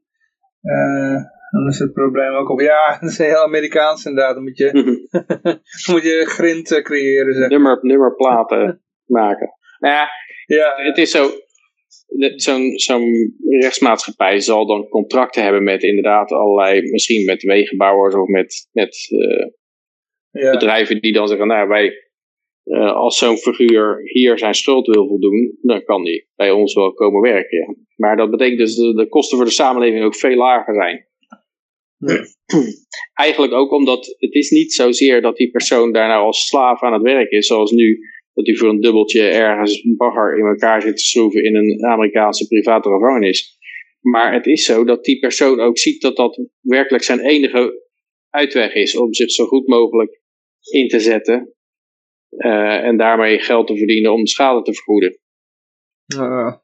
En dan is die natuurlijk ja, is veel gemotiveerder dan dat je gewoon in zo'n max security zit en eh, ja, weet ik veel, voor een of ander anoniem bedrijf iets in elkaar moet draaien voor een dubbie, dubbie per uur. Terwijl, ja. dat heeft helemaal niks met het slachtoffer te maken. Ja. Het voelt niet Ja, wat je nu hebt vaak ziet met, die, met dat private gevangenis, private gevangenissysteem in Amerika. En dat wordt er heel vaak ook tegen ons libertariërs gebruikt. Eh, da- da- daar hebben ze zo van, nou ja, ze willen zoveel mensen erin hebben. Oh dus dan gaan ze maar een lucraak mensen oppakken, weet je wel. Om die, om, Ja, om ja, er was zelfs een, een rechter die is eh, gearresteerd daarvoor. Omdat hij gewoon allerlei jongeren gewoon maar eh, willekeurig veroordeelde om die gevangenissen vol te krijgen. Want er zitten ook bezettingspercentages gegarandeerd. Hè? Die Ja. private gevangenissen die, die, die zeggen dan van ja, we willen best een, een gevangenis neerzetten, maar eh moet wel gegarandeerd 59% eh, of 95% vol zitten. Ja. En eh, ja, dan worden er gewoon, eh, gewoon mensen opgepakt om die bezetting op peil te krijgen. Ja. Dat is natuurlijk ook zo dat zo'n systeem er heel veel ni- niet-libertariërs die zeggen dan van hé, hey, maar het zijn private gevangenissen, dus eh, dat moeten jullie allemaal geweldig vinden. Maar het zijn natuurlijk geen private gevangenissen, omdat eh, ze worden nog steeds betaald met belastinggeld. Dus Ja. de belastingbetaler die bestaat nog steeds een hele bakken met geld aan de staat. En die staat die geeft het dan aan een private gevangenis om mensen op te sluiten. Maar is de belastingbetaler, stel dat hij vrijwillig lid is van een systeem waarbij hij een heel groot gedeelte van zijn inkomen over moet eh, maken om, om wietrokers op te sluiten in een, in een max security prison of zo. Dan denkt hij toch van, hé, ik kan mijn geld wel beter uitgeven. Nu heeft hij die keuze niet, want het geld wordt gewoon afgenomen onder dwang naar belasting en dan gaat het naar, de, naar die gevangenis toe. Maar in een, in een eh endcap systeem is hij lid van een rechtsorganisatie. En als die rechtsorganisatie allerlei wietrokers gaat oppakken om in de gevangenis te zetten en, daar, en dan de prijs van hun product steeds verder omhoog schroeft, omdat het allemaal betaald moet worden, dan, eh, dan zal, zullen de klanten van die rechtsorganisatie naar een andere rechtsorganisatie op zoek gaan die goedkoper is en die dat niet doet. Dus Ja, ja. het verschil is dat een monopolie zoals je dat nu hebt, die onder dwang ja, klantenwerving doet, die kan zijn klanten, eh, klanten tussen aanhalingstekens, belastingbetalers, nooit kwijtraken. Dus die kunnen het zo gek niet verzinnen. Of ja, mensen blijven er eh, aan mee doorgaan. Als jij de keuze hebt tussen zes rechtsorganisaties en er is er één die, die belachelijke dingen zit te doen en daarmee de prijzen een hele hoge, hele hoge contributie heeft, dan ga je natuurlijk voor die goedkopere die dat niet doet. Ja. Dus daar zit een, er zit een, een eh, mechanisme in dat, dat zichzelf corrigeert. Ja. En dat heb je nou niet. Nee, nee, nee. Eh, maar ja, ik moet even, even kijken. Ik heb hier nog, een- nog een berichtje. Laten we even verder gaan. Dus we hebben alles hierover gezegd, hoor. Ja. Toch? Ja. Eh, Zuid-Korea die eh, wil... ehm, even kijken hoor. Blockchain Protected Digital Vaccine Passports. Dus eh, blockchain wordt nu ook al gebruikt voor die eh, vaccins eh, paspoorten, lees ik hier. Ja, het is nou weer van de. Het was zelfs Ja. de Libertarische Partij in Amerika, die had al gezegd van ja, die vaccinatiepaspoorten, dat moet door corporations gedaan worden en op de blockchain gezet worden. En dan denk ik, ja, alsof het opeens goed is als, als je vrij door corporation wordt afgenomen. Want eh, ja, dat gaat er klopt over. niet. Nee, het hele idee van een vaccinatiepaspoort is... Ja, die, die gele sterren die moeten op die jas genaaid worden door een corporation. En er uh, moeten nummers in de blockchain staan. Ja, ja, uh, hallo. Het idee is fout. Maar ja, hier Zuid-Korea, die begint daar dus ook mee. Ja, ik ben benieuwd. Vandaag kwam in Amerika naar voren dat, ze, dat het Witte Huis niet zo'n voorstander is van de vaccinatiepaspoort. Ja. Maar het zou zo'n 1-2'tje kunnen zijn. Dat, uh, dat ze eerst nog even pas terugnemen en uh, terugtrekken, doorstoten. Dat ze daarna toch uh, bij de volgende wave van de, van de dubbel, wat hebben ze nou? Dus een double mutant strain. Nou, klinkt dat eng of niet? Double, double mutant. Double mutant klinkt super eng. Ik geloof dat die, die, die derde golf nu alweer voorbij is. Hè? Dat was net uh, Roadrunner, dat was Miep Miep Soe Soe. Nee, nee. ik, ik, heb, uh, ik heb hier corona. Ik zit hier gewoon, uh, zit hier gewoon corona te lijden. Ja, je bent positief getest. ja, dat betekent dat ik gewoon ontzettend corona heb, man. ja, ja. Zit hier hartstikke ziek. Je, ligt bijna aan de beademing, hè? ja, ik zit hier gewoon uh, weg te teren hier. Testament te schrijven. Ja. Maar nog even over dit bericht. Hè. Ja, er wordt het woord blockchain gebruikt. Maar ja, ja, ik weet dat een blockchain is. Maar het is eigenlijk een, een uh, als mensen zeggen, ja, we gooien het op de blockchain. Ja, het is gewoon een dure database. Daar komt het op neer. ja, en, en ja, het is denk ik bedoeld om zorgen weg te nemen. Die natuurlijk terecht zijn bij mensen van, hé, hey, mijn, mijn hele health record. Want dat, dit, dit gaat waarschijnlijk de kant op dat je een app krijgt. En in die app, daar, daar wordt je vaccinatiestatus in vastgelegd. Maar ja, bij de, bij de volgende eerste beste ding wordt daar natuurlijk iets bij gezet. Er wordt, uh, ja, misschien is het ook wel handig om bij te houden uh, hoe jij met je digitale centrale bankcurrency, of jij daar sigaretten verkoopt bijvoorbeeld, of, of drank. Ja, nee, nee, nee, nee. De blockchain is gewoon een woordje wat gebruikt wordt. Mensen gebruiken ja, ik zeg, dat zeg ik, niet, ik zeg niet dat het met de blockchain te maken heeft. Ik zeg alleen dat die app... Nee, maar ze gebruiken dat woord, hè. App, die, maar in werkelijkheid wordt gewoon MySQL gebruikt. En, uh, die, ja, ja dat, dat, maakt niet uit of zo. Of zo. Ik, ja. Wat ik probeer te zeggen... Dat is net, zo, net zoals dat, groene, dat groene stroom groen is. wat ik probeer te zeggen... Ja, ja, oké. Okay. Het, is een, het is een app, dit vaccinatiepaspoort. En, ja. en mensen weten al dat er van alles bij komt, behalve vaccinatiestatus, het wordt alleen maar uitgebreid. En om, om die angst weg te nemen, zeggen ze, nou, uh, blockchain. Transparant, uh, blockchain. Helemaal veilig, wordt, uh, is, is allemaal cryptografisch beveiligd, kan niet uitgelekt worden. Maar inderdaad, ja.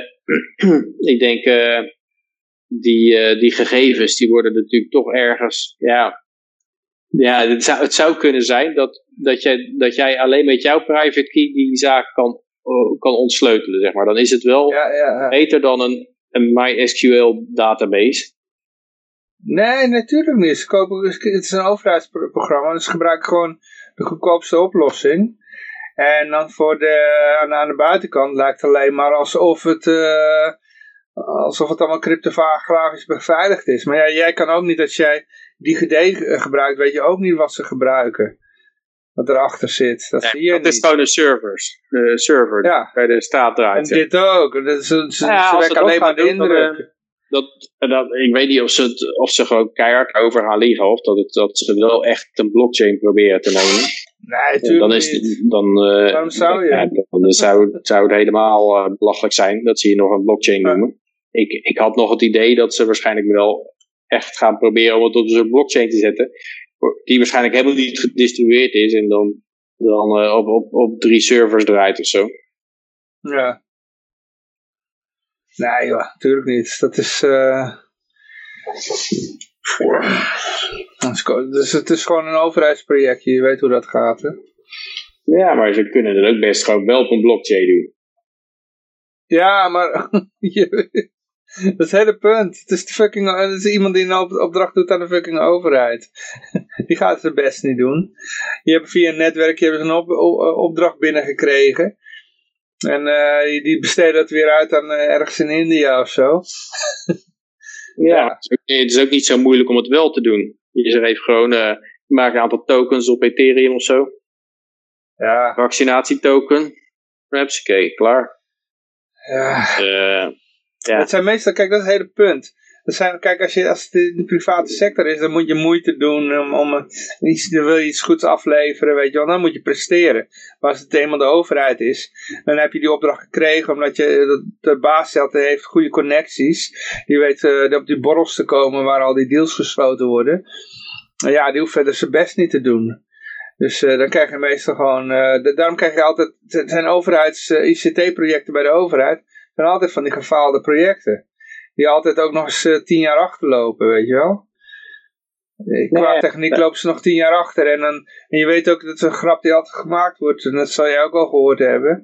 Van bij de overheid, ja, wil je, wil je de hacker, die hoeft niet eens veel moeite te doen. Het, het wachtwoord en de username is admin admin of zo, weet je wel. ja, toch? Ja.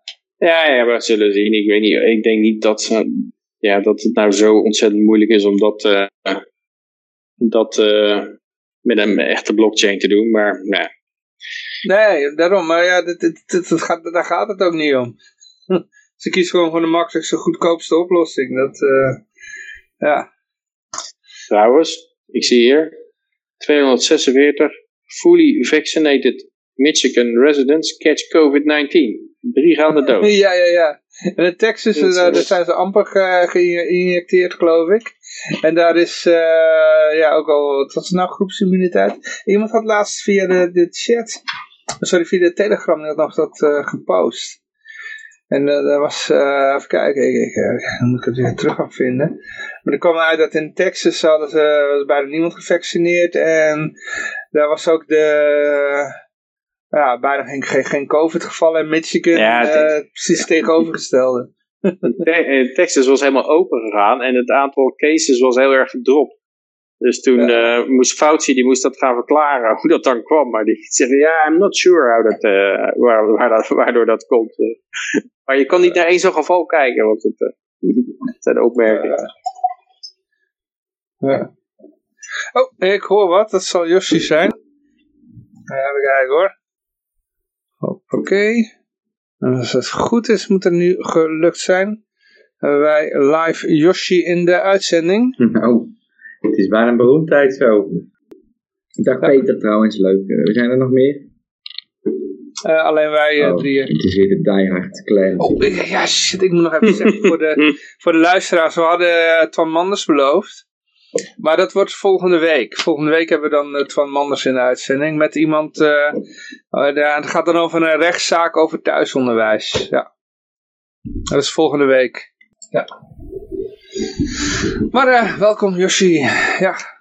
En jij, ja, la- la- la- la- vertellen, want de dertiende, dat is dan eh, dinsdag hè, volgende week.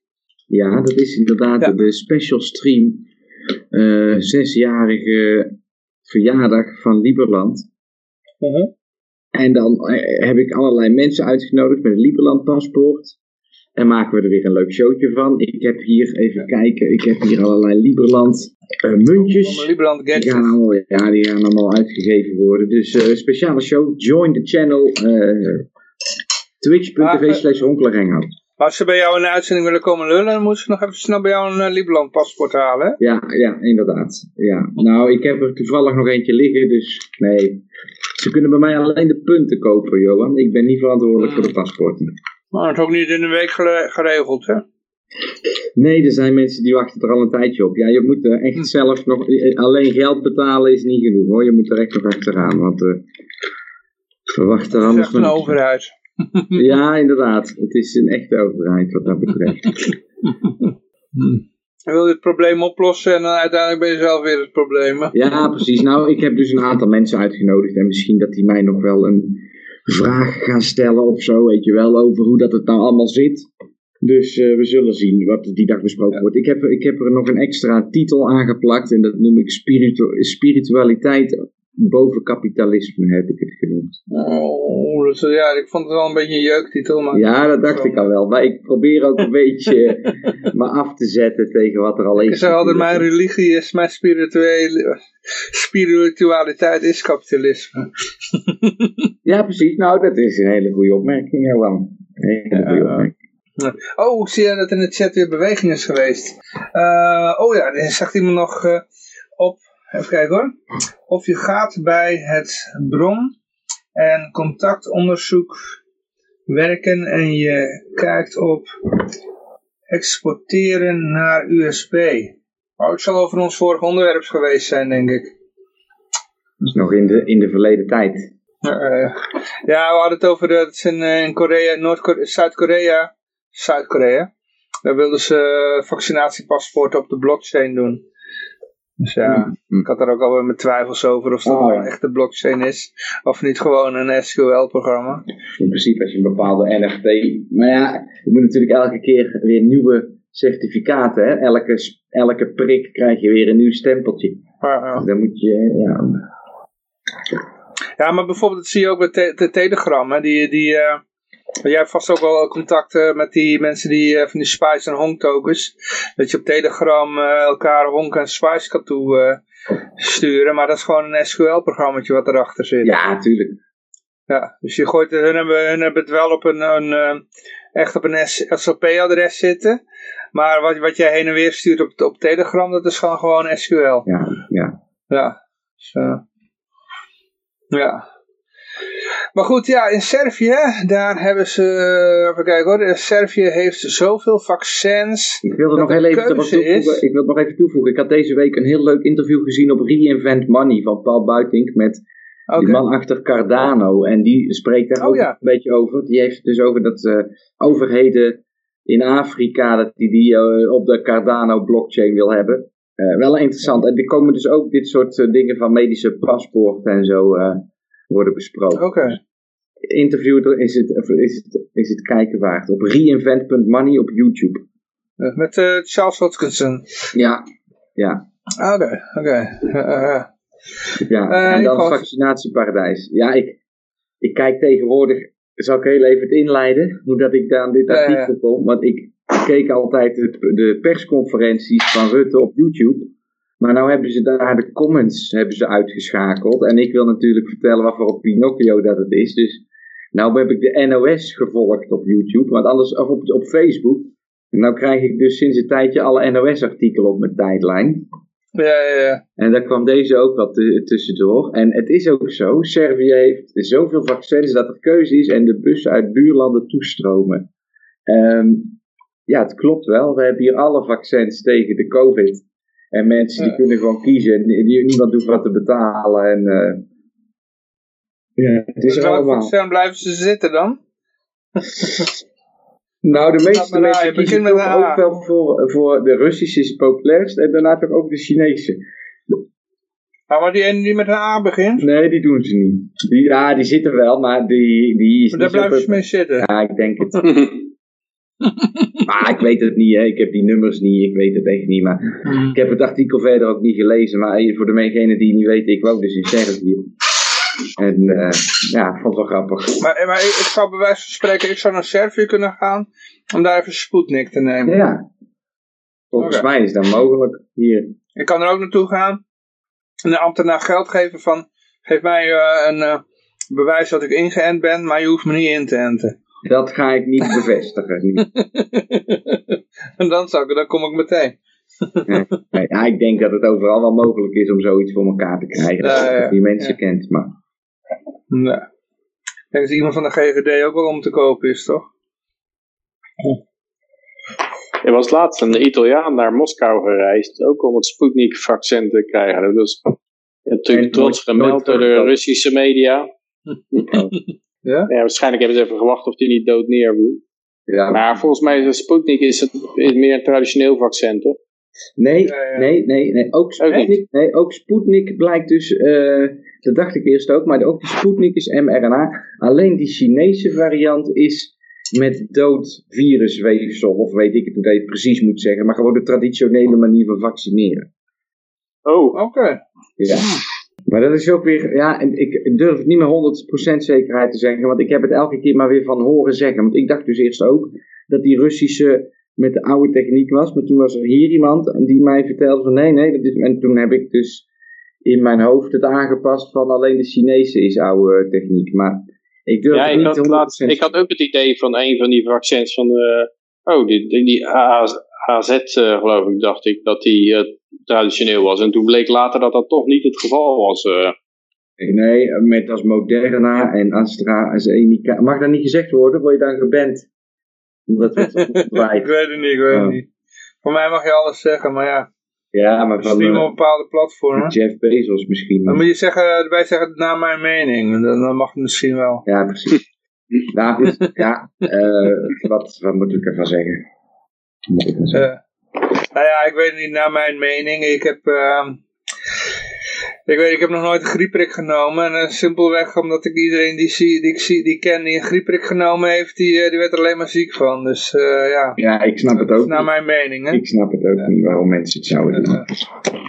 Ja, ik, ben, ik heb me er inmiddels bij neergelegd, Johan. Nee? Ze moeten het lekker maar nemen als ze het willen. Wie ben ik oh, ik dacht dat je hem zelf Nee, oh, nee, nee, ik, ik ga ook geen mensen dat je hem zelf hoor. Nee, nee, nee. Kijk, als, als, ik ben heel simpel. Als mensen zeggen ik wil zelfmoord plegen, dan ga ik ze ook niet weerhouden. Dan zeg ik, nou, dat moet je gewoon doen. Ja, nou ja. Als jij dat wil, prima, doe het gewoon. Dat weet ik niet. Ik zeg altijd... Ik ga je er niet van weerhouden, want het helpt niet. Het helpt niet. Als ze zeggen, ben jij een antivaxer? Dan zeg ik altijd gelijk, geef me hier die spuit. Ik jas hem gelijk je arm in. Uh, om te laten bewijzen dat ik geen antivaxer ben. Ja, ja precies. Hier, vaccineer maar lekker door, jongens. Maar niet op mij. nee, ik wil het toch ook nog bij hun inspuiten. Als het, uh... Ja, oh ja. Precies, ja. Te bewijzen ja, nou ja. dat je geen antivaxer bent.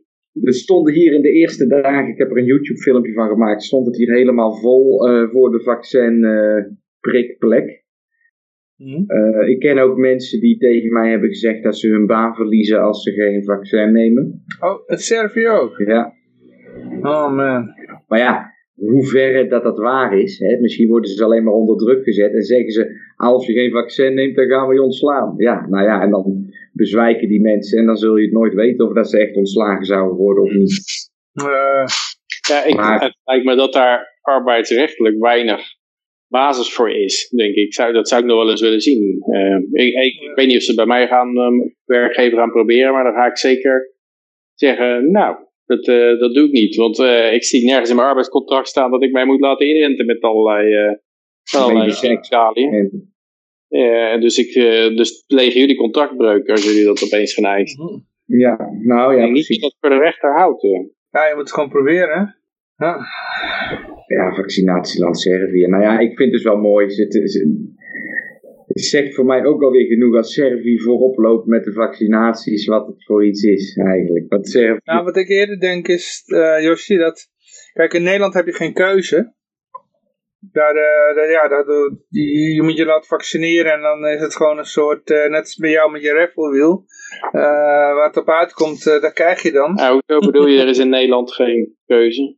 jij, jij kan niet bepalen welke medicijn je krijgt. Ze hebben, de, de overheid bepaalt voor jij wat je krijgt. Welk, Zo gaat in Nederland. Welk vorm van vaccin je krijgt, als je een vaccin wil. Ja, als je, wil laat, als je laat vaccineren, dan is voor jou niet de keuze van nou, ik wil Moderna of zo, of ik wil, okay. Sputnik zit geloof ik niet bij. Hm. Maar uh, ja, dit is gewoon een ambtenaar die draait aan het heffelwiel en uh, nou ja, dat krijg je dan. Hm.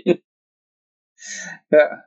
Dus, uh, dat is ja, ik heb het idee dat het, dat het ook dat het helemaal niet zo goed loopt als zij willen doen geloven. Het is al het idee van schaarste creëren en zo. En schiet op, want op is op. En voor je het weet, voor je achter de nest, achter, vis je achter het net. En, en uh, er zijn mensen die, de celebrities die dringen voor. En de voetbalsterren die, die, die piepen voor om het vaccin te krijgen.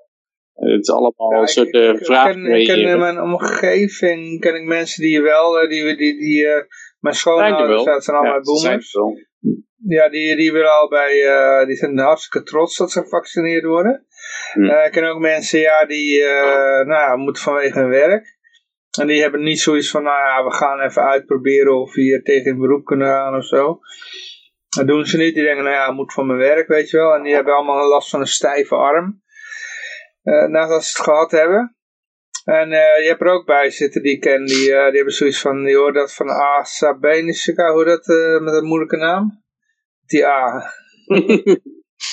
die AZ. Die hebben zoiets, ja AZ, laat maar AZ noemen, ja, met die lange naam. Die, die hebben zoiets van, ja, die hebben enge verhalen daarover gehoord. Dus ze hebben zoiets, ja, dat, uh, daar, daar, hebben we geen zin in, weet je wel. Dus, uh, nou ja, dit, daar kan ik me van voorstellen dat ze zoiets hebben van, nou ja, als we dan toch een spuitje moeten hebben, dan ga ik maar even naar Servië toe om, om er daar eentje te halen. Want daar heb je in ieder geval nog de keuze, weet je wel. Hm. Ja. en dat is dus wel echt zo, je kan hier volgens mij kan je, heb je alles beschikbaar en mensen mogen dus kiezen, als ze, zeker als ze dan vanuit hun uh, werkgever ervoor worden gepusht, dan kunnen ze dat uh, kiezen volgens mij, ja. Ja, het is ook wat, stel nou dat, er, dat daar dus schade uitkomt in de zin dat, ik vraag me ook waarom werkgevers dit doen, waarom ze, waarom ze wat hier voor incentive achter zit of drukmiddel of hoe zij daartoe komen, want stel, je kan een enorme schadeclaim uitkomen. Stel nou dat over, uh, het, is, niet getest, dit vaccin, nou, het is onvoldoende getest. Ja, je, je kan niet bij de farmaceut terecht. Hè, je kan niet bij de farmaceut terecht, dus als, je, als na vijf jaar, als jouw, uh, ja, als het alleen maar je haar allemaal uitvalt of zo. Uh, dat is een goede Peter. Dan, is, ja. dan ga je naar de werkgever toe, neem ik aan, want die zeggen, ja, jij hebt het mij verplicht. Er is een enorme claim aan je broek, zou ik zeggen, als werkgever. Ik heb haaruitval door het coronavaccin. En ja. nu eis ik een schadevergoeding. Hm. Ik, ik, zie er wel wat in. Ja, maar wat is er nou de schade als je haar uitvalt? Nee, maar het is ook het mooie dat dat vaak gebeurt. Maar dan zeg je gewoon, nee, dat komt door het vaccin. En dat is denk ik toch omdat er dus niet goed gelezen wordt. Omdat het verkeerd geïnterpreteerd wordt. Ik weet niet of jij het nog weet, Johan. Maar Mhm. Vorig jaar, 15 maart, 10 maart, was het, dus, was het dus grote paniek. En toen moesten ineens alle restaurants dicht en in Nederland. Ja. En toen zijn er allerlei restaurants hals over kop gesloten. En die hebben de mensen die binnen zaten naar buiten gewerkt. Mm En toen begon die nauwregeling. Maar die nauwregeling die ging in vanaf 1 april. Toen zei de overheid nee, want pas vanaf 1 april hebben we die regeling in laten gaan, want vanaf toen geldt de nieuwe wet.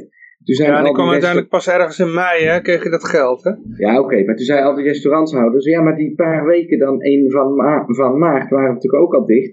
Toen zei Rutte gewoon, dat hebben jullie vrijwillig gedaan, want het was een verzoek van ons. Dus al die bedrijven die nu druk zetten, dat is alleen maar op basis van een verzoek. Er is helemaal geen wettelijke grondslag, maar ze, ze bluffen gewoon. En ze hopen dat iedereen in, erin meegaat. Hetzelfde als de scholen. Al die scholen die zeggen nou ja, wij moeten dat van de overheid, maar dat is dus niet zo. De overheid zet een richtlijn uit. Die hoef je dus niet op te volgen. Dat is geen hard druk, weet je wel. Het is een richtlijn, het is een vrijwillig iets. En als jij er als school aan mee gaat doen, dan is dat jouw vrijwillige keuze om die regels uit te gaan voeren. Maar juridisch gezien is er geen grondslag. Ja, ja. ja dat hoor ik. Nou, het schijnt nu ook nog zo te zijn dat uh, er heel veel, ik geloof 20.000 bedrijven, die hebben dan de, die moeten die hele nauwregeling weer terugbetalen, die ze gekregen hebben. Dat is weer een heel andere ding, ja. Ja, schandalig. En dan komt dan na de verkiezingen komt dat naar buiten, weet je wel. Ah. Smeerlappen zijn het, hè. Ja. Daarom, daarom snap ik mijn, mijn, uh, dat mijn vorige werkgever ook. Die, uh, die hebben heel kort, die hebben maar heel kort hebben ze die nauwregeling genomen. Geloof ik drie maanden. En daarna zeiden ze tegen mij, nou ja, dan betalen we jou uh, maar de helft van je salaris. Of je, je pakt gewoon al het werk aan wat we hebben. Weet je wel. We gaan niet meer aan die nauwregeling doen. En nou snap ik ze achteraf, want ik denk van ja, die wisten ook wel van uh, de kans is groot dat ze dat uh, moeten terugbetalen, weet je wel. Ze wisten wel met wie ze zaken deden. Ja. Toeslagenaffaire 2.0. Ja, precies. Dus uh, doe nooit zaken met de overheid. ja. Maar goed, ja, dikke hondjes is het volgende bericht. We kijken, de hond van, van Mirjam is te dik. Ja, ik dacht dat het 1 april was, maar het staat toch echt op 2 april. Ja, en staat ook bij het is geen 1 april. ja, je had het niet voor mogelijk, hè? Ja, de hond van Mirjam is te dik en wordt misschien afgepakt. Afgemaakt of afgepakt? Ja, ik, uh... Afgepakt neem ik aan, hè? Het is, uh, ja, hier kan je bijna geen totalitaire staat voorstellen. Ja, misschien is het toch een 1 april bericht en dat het overgenomen is door de Gelderlander op 2 april. Maar uh. ja, het staat er 2 april. En uh, ja, het hondje moet afvallen. Het wordt hier door de politie afgepakt. Dus ook dat is je eigendom niet. Maar dat is volgens nee, mij dat was al duidelijk, want je betaalt ook belasting over die hond. Dus... Ja. Daarmee is het staatsbezit. ja. nou, het is ja, vind ik wel. Dus ze kunnen weten. Ik vind het wel weer ver gaan inderdaad hoor. Ik bedoel, uh, ten eerste hebben ze niks beters te doen. En ten tweede, waarom de hond van Mirjam? Is dat toevallig de zus van uh, Pieter Omzicht of zo? Weet je wel? Want, waarom, er zijn zoveel honden met overgewicht. Waarom moeten ze die Mirjam nou net hebben? Hmm. Die ziet er ook weer niet zo heel kwaad, kwaadwillend Nou, uit. Ja, die hond, die, die, die hond die heet ook boef, hè. Dus ik denk, ja, de, als je een hond hebt die boef heet, dan kan je... Ja? Ja, Ik kun denk je dat er iemand in zijn donder, flat...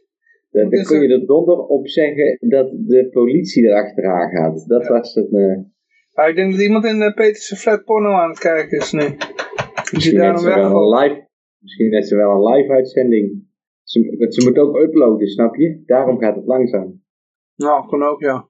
Nou, iemand anders in de flat zit te streamen. Ja, precies. zijn. Ja, of, of, of een webcam girl heeft een klant. Ja, een van die. Russische, een van die Russische of Oekraïnse webcam girls. hm. Nou, wat ik wilde zeggen was dat ehm, een paar jaar terug hadden we had je PVV, die was gedoogpartner geloof ik in het kabinet. En toen mochten ze een paar hobbyprojecten aanbieden. En Ja. een, van, een daarvan was de dierenpolitie, was het dierenwelzijn. En daar is dit dus een gevolg van. Nou, ik hoop Ja. voor Mirjam dat ze niet op de PVV stemt. Nee, want ja, dan word je inderdaad genaaid door Wilders nu. Maar eh, ja, ik heb het artikel niet gelezen. Nee. Even, kijken, even kijken. Ja, maar ik weet wel wat vandaan komt. Het hele... Ja, ik wil weten waarom het nou die Mirjam eh, overkomt. Ja, ik zou het niet weten. Er was een anonieme melding over het gewicht van Boef. En daarom kwamen ze op zoek. Nou, ik denk dat er wel Ik denk dat iemand gewoon een hekel aan Mirjam heeft. En het is een vrouw in een... eh, in zo'n, hoe dat, scootmobiel. Misschien dat de vent wel een hekel aan die hond heeft. Dat die, dat die man... Dat die man elke keer die hond extra te eten geeft en dan de politie opbelt van mevrouw die Ja, de buurvrouw, kan ook. De Ja. buurvrouw heeft een Ja. hekel aan haar. Nee, maar De het is dus gewoon een, een anonieme melding en daar gaan ze op. Nou, Er staat hier een foto bij. Nou, ik vind het beest verder niet dik of zo hoor. nee, maar dit kan ook weer natuurlijk gewoon een collage, of hoe heet dat, een, een, een persfoto zijn van een Ja. vrouw met een hond. Dat kan ook, ja. Ik maakte de opmerking onder deze Facebook post. Ze hebben die hond alleen voor de foto laten lopen. Normaal zit hij in dat mandje van de scootmobiel. Dat kan ook, ja. Zal Peter nog even erbij halen? We gaan het weer proberen. Oh, hey, hey, Nou, daar het is hij. klinkt nou een stukje beter. Ja, ja, ja. Oké. Heb Doe- ik even gereboot. We zeiden al van, eh, misschien is er bij jou in de flat een eh, webcam girl die een klant had. Dat heeft eigenlijk met upload te maken en niet met download. Dus het zullen niet de pornokijkers zijn. ja, maar het, het eh, gaat beide kanten op, toch? Met onze call. Dus dan... eh, ja, altijd ja, inderdaad. eh, Als jij ons niet hoort, dan kan dat ko- komen door de pornokijkers. En als, als we jou niet horen, komt het door de pornoaanbieders. Ja, we hadden nog een bericht van die, eh, van die vrouw met het hondje. En de vraag van Yoshi was, maar, van, eh, wat voor vijanden heeft ze? Nou, ik, jij, jij viel weg, eh, Peter. Jij zei, als je je hond boef noemt, en toen viel je weg. En toen Oh, maakte ik jouw zin af. En toen zei ik, ik denk dat Peter wilde zeggen, dan moet je ook accepteren dat de politie erachteraan komt. Precies, ja, dat wilde ik Ja, dat voelde ik. Dus eh, daar was jij gebleven. En dan mag je verder. Ja. Ja, nou ja, hij moet dus in een, eh, in een jaar tijd of zo eh, een kilo afvallen, of, eh, of 7 kilo, of ik weet niet meer precies. Nee, 7 jaar hond moest een kilo afvallen. Nee, de, Volgens mij. weet je, wat, eh, wat de dierenpolitie daarvoor argument voor had, dat zij daarover gaan. Komen ze daar over een jaar over de vloer uit die hond nog maar drie benen. en die nog maar drie poten, die hond.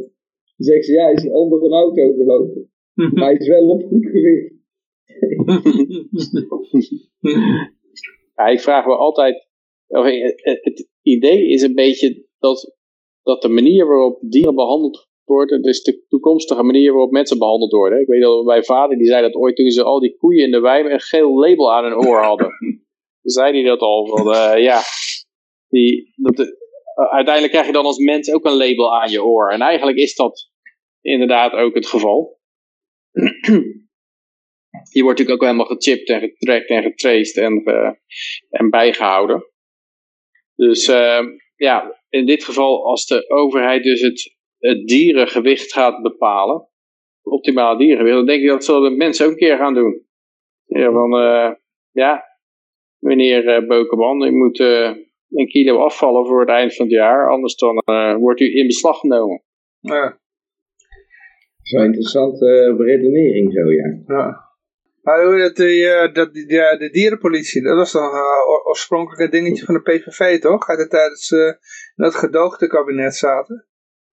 Ja, ik ja, heb geen idee hoe lang de dierenpolitie bestaat. Hè. Ja, dat komt van de PVV. Dat was zo'n... Uh, dus die ene PVV een beetje dik mannetje met lang haar. Die, dat, dat was zijn dingetje. Zijn hobbyprojectje. Ik weet, niet meer, ik weet niet meer hoe die heette.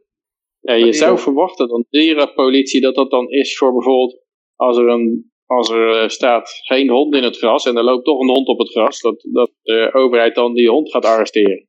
Ja, ja, ja. nee, het ging om uh, dierenmishandeling. Oh, er is in de chat ge gereageerd. Dion, Graus. Ja, Dion Graus, ja. Inderdaad, was, uh, zijn dingetje was dat. Dat was uit die tijd van dat uh, gedoogde kabinet.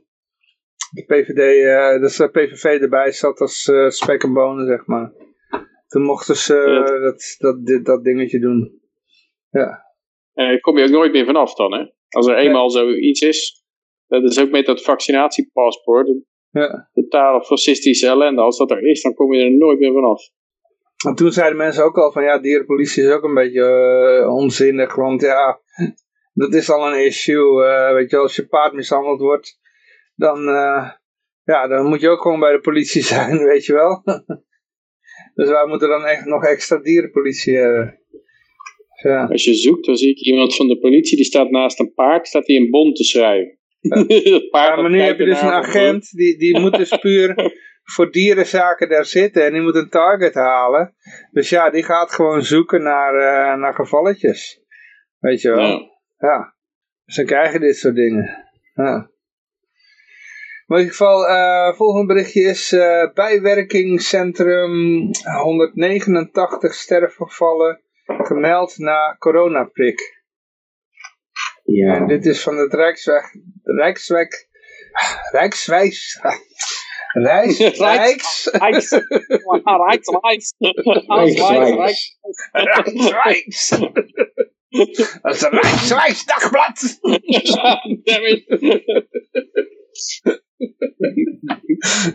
Rijksweg, dat is toch waar uh, Jeroen Weber vandaan komt?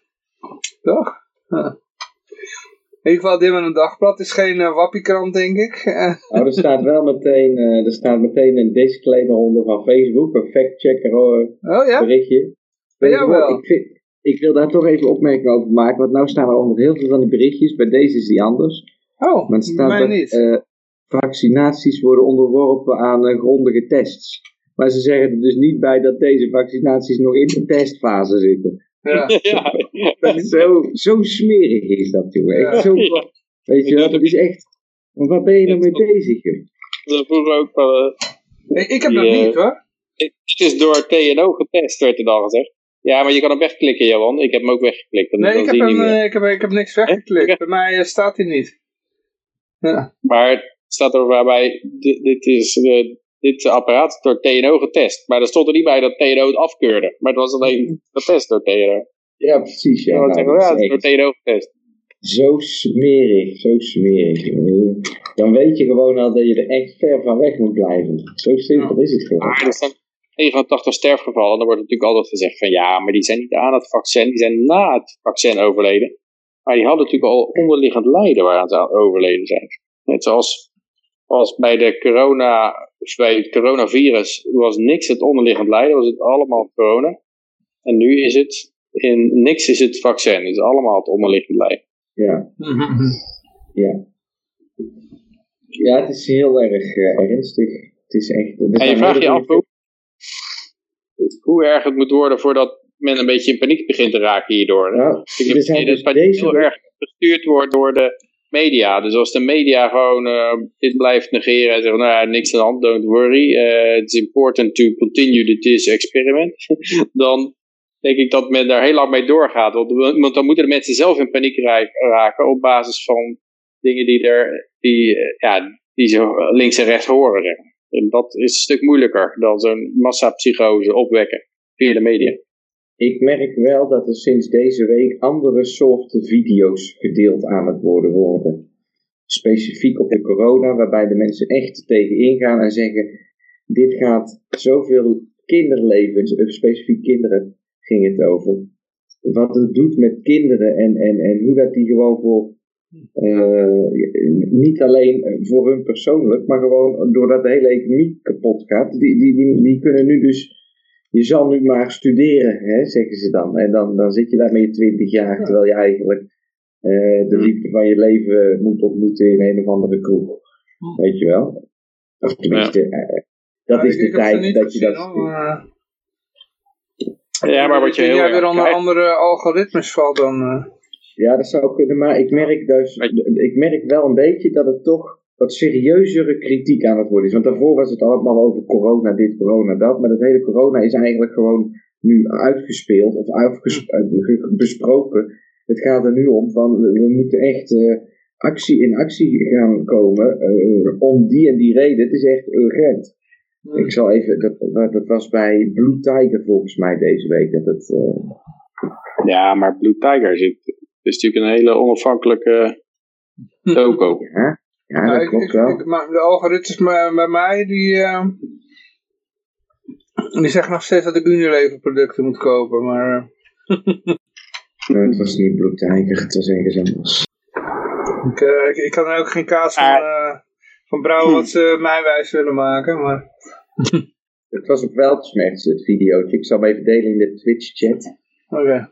De reactie van veel van die jongere studenten is niet van, eh, ja, flikker op met die, eh, met al die eh, shit en geef me mijn leven terug. De reactie is van, iedereen moet een freaking vaccin nemen, zodat ik mijn leven weer terugkrijg.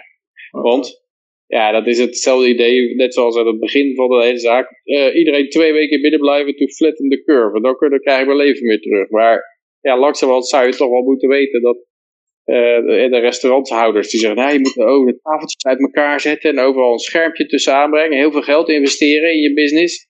En dan eh, sluiten we je alsnog af. ja, ik hoorde de laatste iemand in een podcast die vergeleken met de Spaanse Inquisitie en de, eh, eh, de omwenteling die daar plaatsvond. Dat er waren toen van die joden en er werd van gezegd, oké, of je bekeert je, of je flikkert op. En dat was allebei een reële optie. Maar als jij eh, zei je te bekeren en, je, je, en, en meeging met, de, met het katholieke geloof, maar dan toch stiekem nog eh, Joodse dingetjes bleek te doen, ja, dan ben je gemarteld en eh, dan was het ook, eh, ja, dan werd je met een fanaticiteit werd je dan uitgeroeid en bestreden en zo. En dat is denk ik, of dat beweerde deze figuur, is hier ook het geval als jij ondernemer bent, dan kan je nu de, het hazenpad kiezen, zeg maar. Ik sluit je tent en ik ga wel ergens anders naartoe.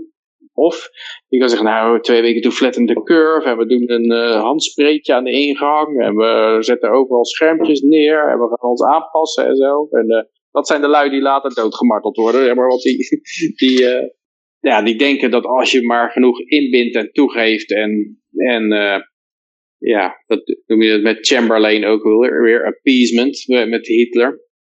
Als je maar inbindt en toegeeft, dan, dan krijgt, krijgt het monster zijn zin en dan gaan we weer verder zoals vroeger. Maar het monster krijgt... noemt, uh, hoe heet hij ook alweer? Uh, David Icke zegt altijd acquiesce. Als je acquiesced in het Engels, to acquiesce. Oké. Okay. Ja. Ik denk dat dat, dat, dat inderdaad wel, uh, dat daar wel wat in zit. Dat, dat het enige signaal wat ervan uitgaat als jij die acquiesce doet en inbindt en buigt en, en meegaat, dat uh, oh, ze hebben macht over je. Dus ja, we kijken wat we hem nog meer kunnen laten doen. En, uh, en eigenlijk weet je dat van tevoren al, als iemand naar jou toe komt en die zegt van, uh, nou, op het schoolplein of zo, een, een enorme bully, die zegt, nou, ik hou op met jou in elkaar slaan als jij twee eieren op Trudy haar hoofdstuk slaat. En, en degene die dan denkt van, nou, ja, dat is een goede deal. Ik sla twee eieren op Trudy haar hoofdstuk en dan ben ik van die bully af. Dat, dat is een foute, foute gedachtegang. je slaat die twee eieren op het hoofd van Trudy stuk, daarmee heb je heb je jezelf belachelijk gemaakt voor de rest van de, uh, de scholieren. En die bully die heeft het idee van, oké, deze gast kan ik echt alles laten doen. Nou, laat ik dan nog eens een stukje verder gaan. Daar heb ik macht over. En dat is bij politici ook zo. Als, je, als je aangeeft van, oh, jullie hebben macht over mij, want ik wil graag mijn leven terug. Dus je kan mij alles laten doen. Ja, dan, dan gaan ze nooit je leven teruggeven en dan gaan ze je nog veel meer laten doen. En dat, dat is ook altijd mijn argument tegen het hele verhaal van, uh, ja, we willen de overheid gebruiken om immigratie tegen te houden of zo. Want uh, ja, uh, ja dan, dan geven we de overheid de macht over de grenzen en ja, private eigenaren zouden ook niet iedereen toelaten. Dus dat kunnen we dan delegeren aan de staat en die laat dan ook niet iedereen toe. Mhm. Zodra de staat weet dat jij bang bent voor immigranten, dan denk ik dat, uh, dat je een hele berg immigranten krijgt en steeds meer staat gaat vragen. En dat ze steeds zeggen, ja, te weinig middelen, ja, toch nog er doorheen geglipt en uh, ja, ik heb meer geld nodig en meer macht en meer volmachten. En dat jij zo alleen maar uh, verder in de stront zakt. Heel klein beetje on-topic op, op wat het artikeltje schrijft. Want de eerste zin, bijwerking in het centrum LAREP heeft tot nu toe 189 meldingen gekregen over mensen die zijn overleden na de inenting van, met het vaccin tegen het coronavirus.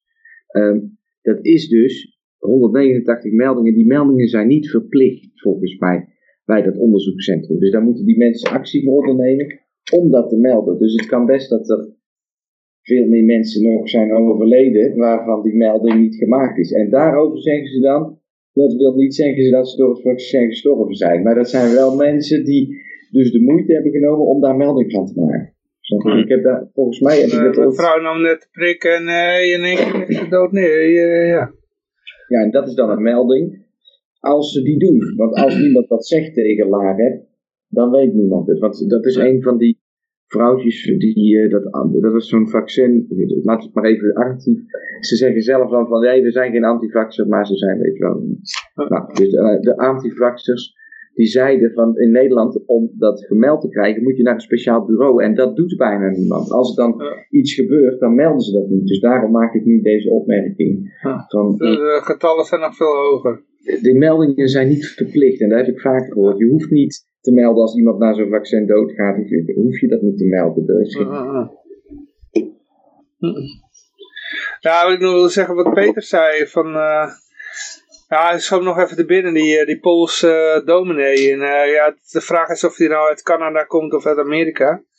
Maar, Volgens mij woonde hij woonde in Canada. Canada.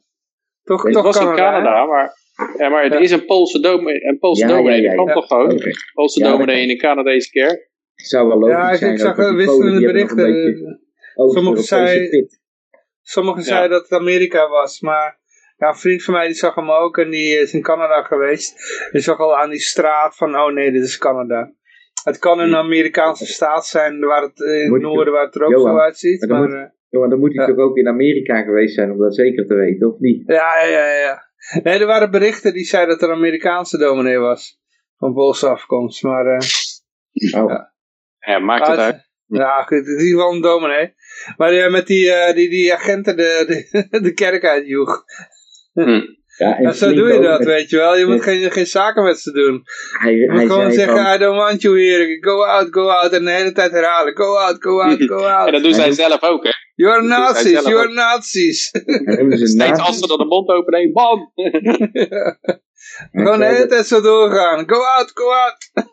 zo doe je dat. Hij zei dat ze nazi's waren en deel uitmaakten van de Gestapo. En dat, en dat ze, ze bezig fascisten waren en communisten. En communisten. En uh, dat ze met genocide uh, aan het ja. meewerken waren. Nou, dat en uh, ongeveer 200 keer go out. ja. Zo doe je dat mensen, zo doe je dat. Ja. Maar het is, ik, heb, ik kreeg ook inderdaad het idee van, ja, die, die Oost-Europeanen die weten hoe dit, uh, ja, je hebt het meegemaakt. als die uniform aan je deur staat en dat je, ja. ja dat je eigenlijk niet in moet binden. En het is moeilijk natuurlijk hoor, want sommige, soms kan je ook gewoon, uh, ja, helemaal gewapend en zo zijn. Maar, je, maar soms kan je het wel wagen en dat heeft hij gedaan. En ik denk dat hij een hele goede techniek gekozen heeft inderdaad. Want uh, ja, Ja. Het is precies hetzelfde wat de politie zelf ook altijd doet. Hè? Als je tegen ze begint te argumenteren of te praten, dan de- ze, ze luisteren gewoon helemaal nergens naar. Ze, ze, ze blaffen er gewoon overheen. En, en eh, dan zeg je maar, eh, mep, boom. En, en hij deed eigenlijk precies hetzelfde. dat is wel mooi. Ja, het ging ook niet meteen weg. Hè. Eerst stonden ze zo. En dat zat een vrouwtje, die woordvoerder, die had... eh, ja, Ja. de, de kiezen ze een vrouw natuurlijk, hè, want daar, daar bezwijken mensen voor. En, zij, en hij gewoon, go out, go out, go out. En ja maar, ja maar, ja maar, ja maar. Ja, twintig keer ja maar. Maar uiteindelijk ging, droopte ze af. Ja. je zag hetzelfde gebeuren in Engeland. Ja. Waar ze ook een eh, kerk binnenliepen om de, gewoon de, de kerkdienst te, te verstoren. Ja. En daar ging iedereen gewoon netjes eh, weg. Hè? Ook, En die politieman, mensen liepen gewoon een beetje om het altaar heen te stampen. En ehm een stelletje boeren horken. Het- Weet je waar ik eigenlijk wel mis? Ik weet niet of jullie die nog gehad hebben.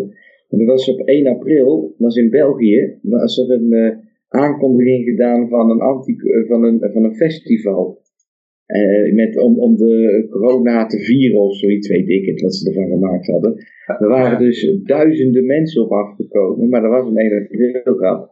Maar die mensen die hadden wel muziek bij zich en er stonden dus gewoon iets van, van nou, meer dan 5000 man in een bos met elkaar op 1 april. En toen kwam de politie erop af. En toen hebben ze dus, hebben ze dus echt lopen vechten met de politie. Om, eh, ja. Ja, ik heb, ook, eh, ik heb ook een ander, ander filmpje gezien van een restaurant waar ook een paar van die, van die boa's binnenkomen. Dat was in, eh, ook in het buitenland hoor. En, eh, en al, alle klanten die begonnen gewoon allemaal eh, te scanderen van go away, go away, go away. En uiteindelijk gingen ze, dropen ze inderdaad af. eh.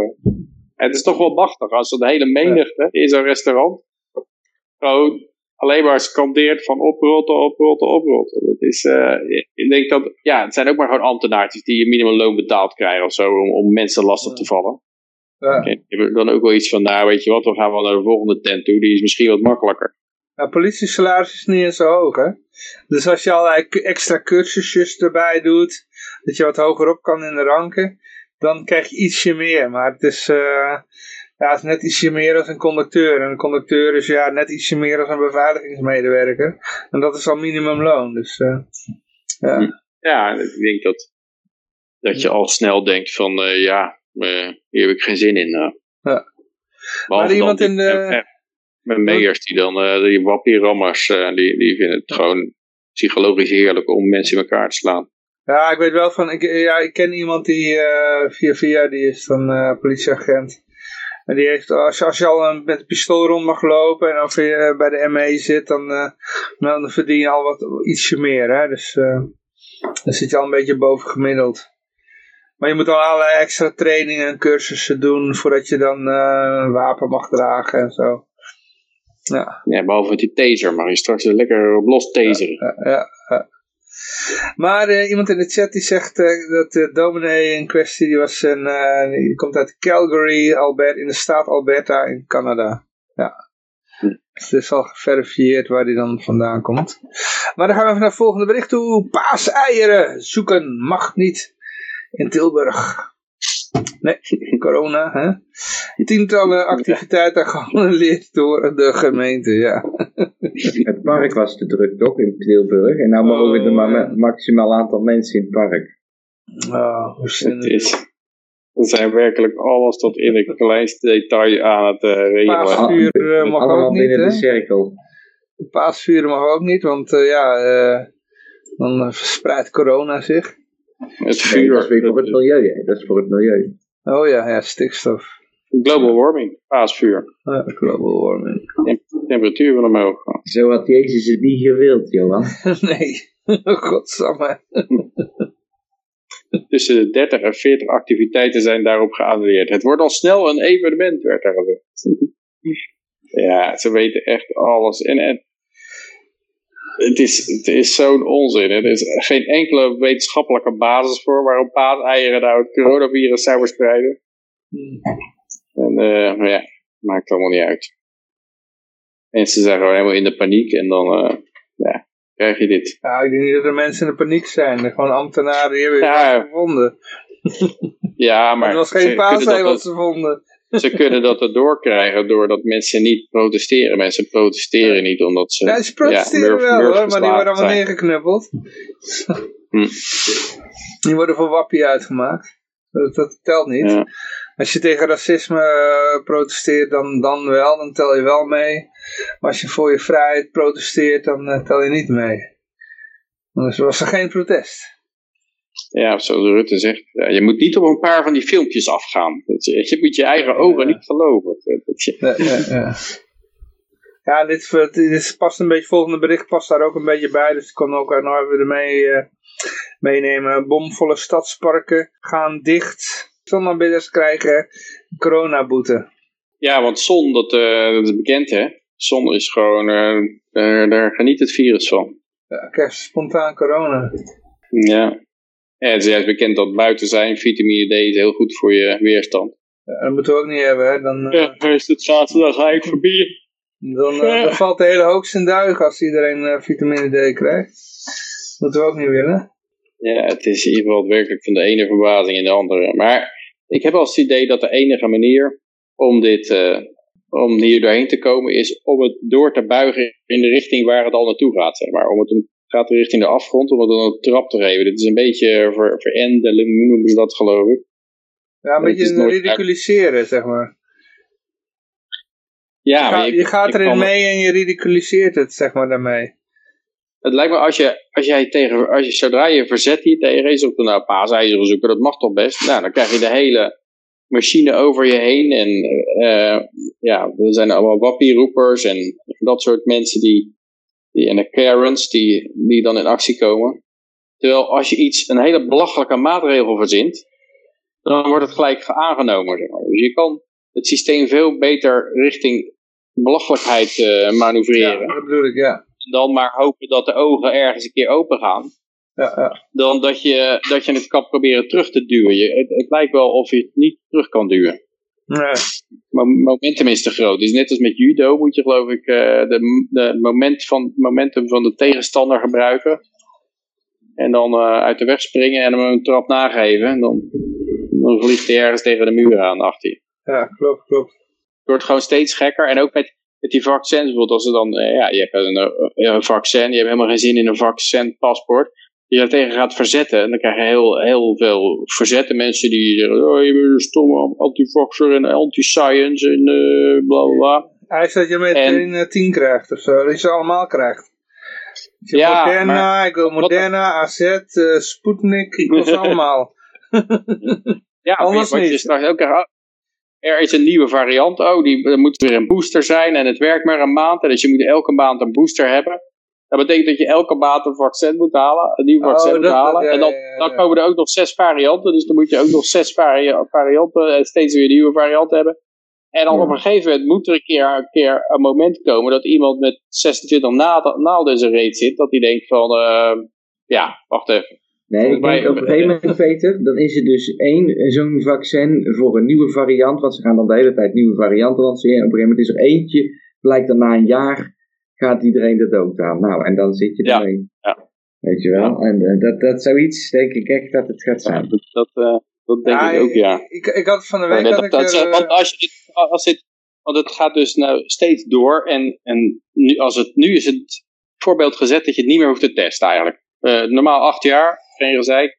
emergency use kan gelijk op de markt. Dus dat kan met al die volgende ook allemaal. Dus eigenlijk zit er nou gewoon, is het een continue stroom van vaccins die allemaal ongetest zijn. Die gewoon massaal verplicht alle onderdanen ingaan. Dus ja, je kan gewoon wachten tot het een keer misgaat. Hey, de chat zegt, die, die noemt dit uh, accelerationism. Ja, ja. Een uh, cholesterolpaspoort en een uh, sportschool stempelkaart, ja. ik had van de week had ik het hier ook dus over, over dat je het moest ridiculiseren.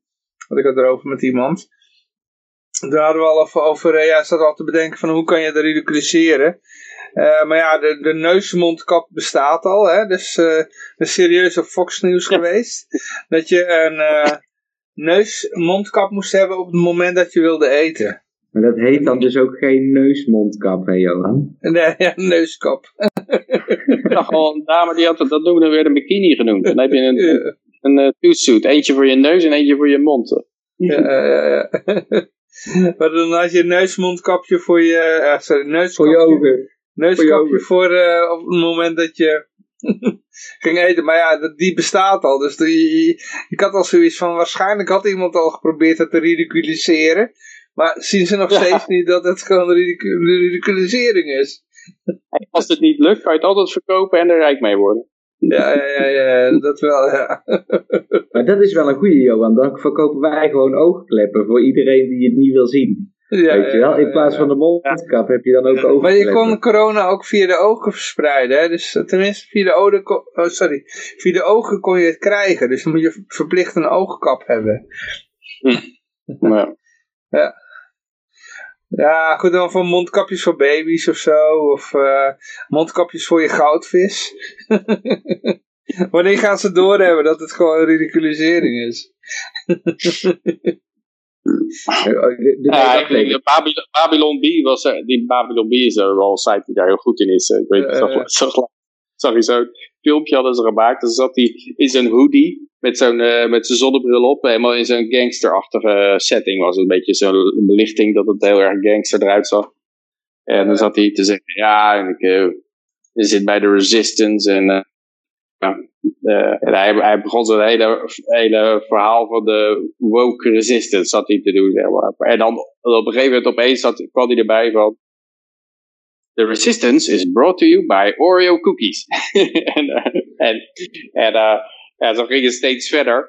Eh, Coca-Cola werd erbij gehaald, en Gillette en, en al die merken. Dus hij, hij- het was gewoon een totale corporate re- sponsored resistance. Dus, eh, en, en alle grote media bij dat hele beeldscherm zat helemaal volgeplakt met logo, logo's van alle mensen die aan zijn kant zaten in de resistance. Dus eigenlijk was er resistance tegen niks. Hij zat gewoon Eh, bij de... Dat vond ik wel een mooi, eh, was een mooi filmpje. In de chat post iemand een bikini masker. Dus eh, ja, over, typ die, eh, voor de mensen die kijken, typ die eh, URL maar over. Ik ga voor masker bikini, heb ik nu een virus. Oké. Het hele raar is dat, dat die lui kennelijk niet Ja. van hun voetstuk vallen. Want het, met die hele Imperial College study, dat was een model waarop de hele lockdown inging. Die vent dat is gewoon, het hele model is onderuit gehaald. Die vent is ge, ge- ontslagen. Eh, maar het maakt allemaal geen bal uit. Eh, eh, het lijkt wel in momentum gewoon door te gaan. Je, wat, wat, je vraagt je af, wat is er nodig om de geloofwaardigheid van die lui aan te tasten? Ja. Nou hoor je, Fauci die zit dan, wordt gevraagd van, hoe, hoe kan het dat Texas is open gegaan en, en de cases droppen?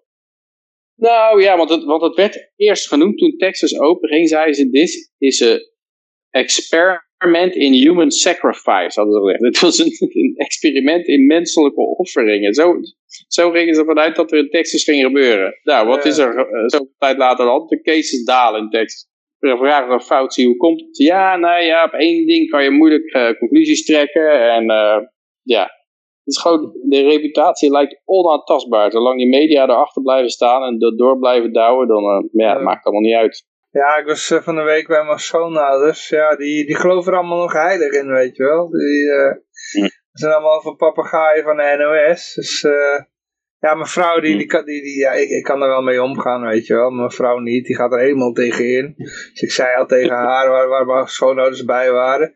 Zij zei helemaal van, ah, het is allemaal nepnieuws van de NOS. En toen zei ik tegen mijn vrouw, ja, je moet respect hebben voor andermans geloof. Zo vader die had hem wel door, die moest erom lachen.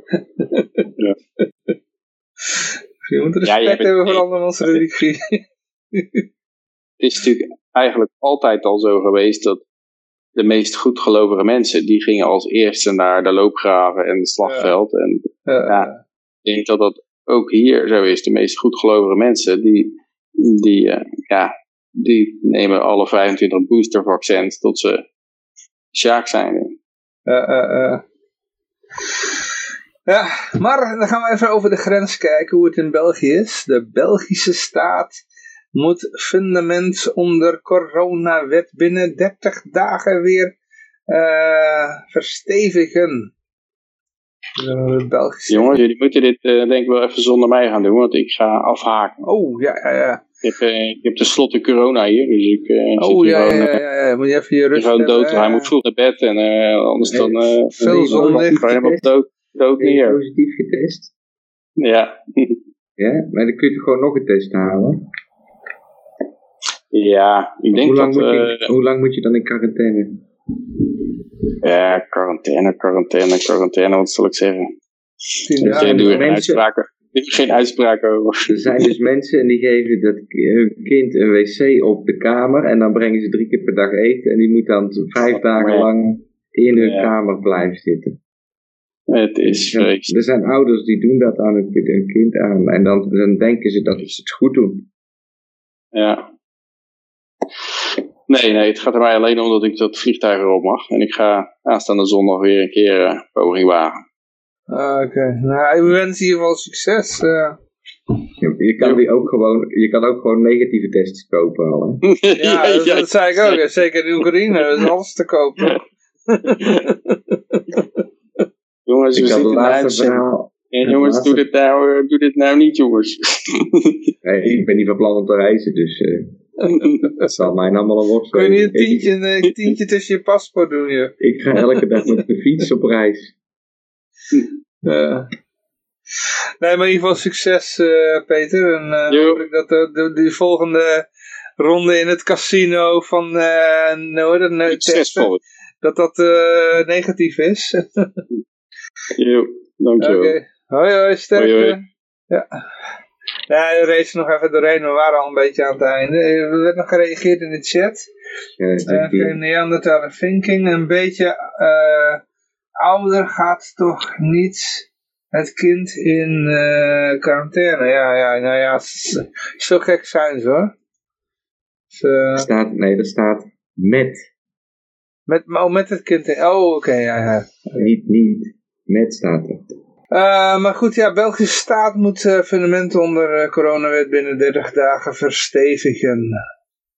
Maar ik wil erop toevoegen dat die ouders zijn dus zo bang voor dat corona, dat ze echt denken dat ze dan zelf dat risico lopen. Ja? Ja, ja, en dat, ja. dan, dan gaat ze heel die eh, sfeer kapot.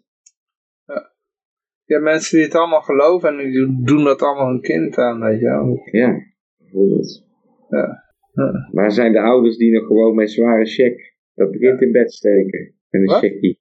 Die nog gewoon met een checkie zo dat kind zo in bed houden. Oh checkie ja, ja, ja. Die zwaarrokende moeders. Die hun kind ook nog, als ze, als ze huilen, als de baby huilt, doen ze er een beetje whisky in. Ja, bijvoorbeeld een beetje whisky. Ja. Oh jee, corona. Oh, nee, moeten we niet hebben. ja, ja. God. ja. Nee, maar goed, wat hebben we over België te zeggen, joh. Nou oh ja, ik had dus die 1 april grap op uh, misschien dat je die kan vinden. Er was echt een flinke rel in België op 1 april. Omdat er dus een heleboel mensen naar een bos waren gekomen. In de gedachte dat er daar een of andere reef zou plaatsvinden. Maar dat was een 1 april grap. Oké. En toen stond er ineens een heel bos vol jongeren. Die zin hadden in een feestje. En daar kwam de Ja. politie op af. Ja, Hm. ik zal even kijken. België. 1 Ja, wel april. leuk, wel leuk. Bos. Ja. Over dit bericht hebben we niks te zeggen. Ja, het is Oh. gewoon hetzelfde als in Nederland. Ja, wat kunnen we verder over zeggen? Dus ze hebben 30 dagen de tijd. Dan zullen we vast wel wat vinden. En anders zuigen ze het wel uit een duim.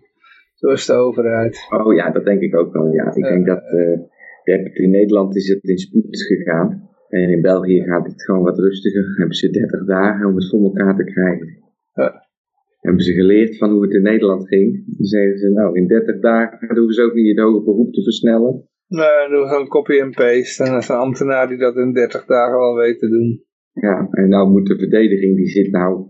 Er gaat een hoger, waarschijnlijk komt er nog een hoger beroep aan, weet je wel.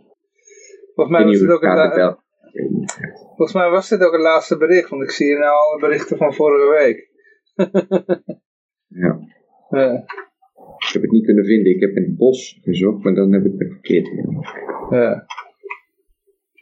Ja, we hebben nou al de berichten van vorige week, dus ik denk dat dit inderdaad eh, alles was. Ja. Ja, wat hebben we nog verder te vertellen, joh? Ja, we hadden, hadden, misschien had jij er nog wat over kunnen vertellen. De, aan het begin van de uitzending nog wat uh, crypto berichten. Ik weet niet of jij nog een, een, een mening had over de, het feit dat alle, alle altcoins omhoog gingen. Nou, ik heb vandaag gezien, dat is een paar uur geleden gebeurd. Uh -huh. Er stond dus 60.000 e-guldens te koop. Oh ja? Van, van een partij waarvan ik dus denk dat die e-guldens gekocht hebben om de prijs te kunnen be beïnvloeden. Oké. Om een uh, zeggetje te kunnen krijgen. En ik heb er al vaker gezegd, Johan, die financiële instellingen die, die zich daarmee hebben gemoeid, die rekenen in euro's. Uh, dus die kunnen verlies maken in bitcoins als bitcoin stijgt. Snap je? Dat heb ik al wel eens uh, verteld tegen jou. Uh ik er zo over denk. En die order van 60.000, die is naar, naar de, de 400 Satoshi naar beneden gedrukt. En toen dacht ik van, moet ik hem nou pakken of niet? Maar het punt is dat de beurs waarop het allemaal gebeurt, een named exchange. Jij weet dat de vorige Altilli.com is inmiddels down. En Oh ja. een named is ook niet echt uh, betrouwbaar, vind ik. Oké. Okay. Um, dus ja, ik wilde dat geld niet overmaken. Toen is die orde verdwenen. En nu is ook de e-gulden vandaag in prijs verdubbeld. Oké. Okay. Ja, doordat gewoon die verkooporde eruit is. Er staat gewoon geen één verkoper. Dus eigenlijk, ik zou je vertellen Johan, met op dit moment, als je nu, uh, weet ik het wat, ja, moet ik eigenlijk niet zeggen natuurlijk, maar als, je, als je nu met... Uh, er luisteren maar vijf mensen. Ja, nou ja, goed. Het Op Twitch hoor. Uh, YouTube en zo staat er niet bij, maar misschien zitten daar wel honderd mensen te luisteren. Nou ja, ik kan je vertellen dat op dit moment staat eigenlijk de e-gulden op 1 euro per stuk. Oké. Okay. 1 euro? Ja. Serieus? Ja. De 1 gulden is gewoon een euro waard. Nou, nee, dat niet. Hè? Kijk, hij is eigenlijk veel meer waard, zeg ik dan. Ja, oké. Okay. En op dit moment heeft hij de waarde ook niet.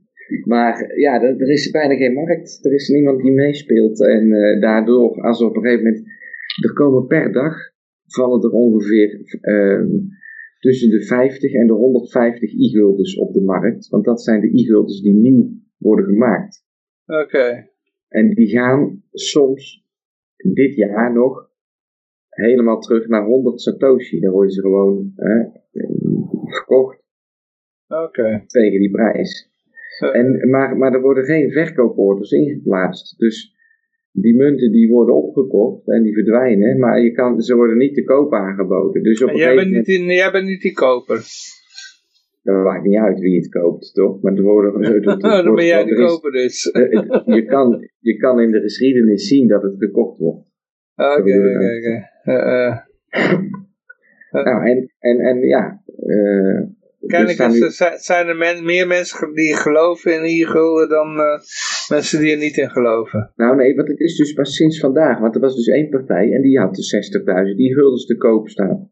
Oké. Okay. Uh, die heeft ze nu de, sinds 24, binnen de afgelopen 24 uur eruit gehaald. En nu staat het dus, ligt het helemaal open. Ja.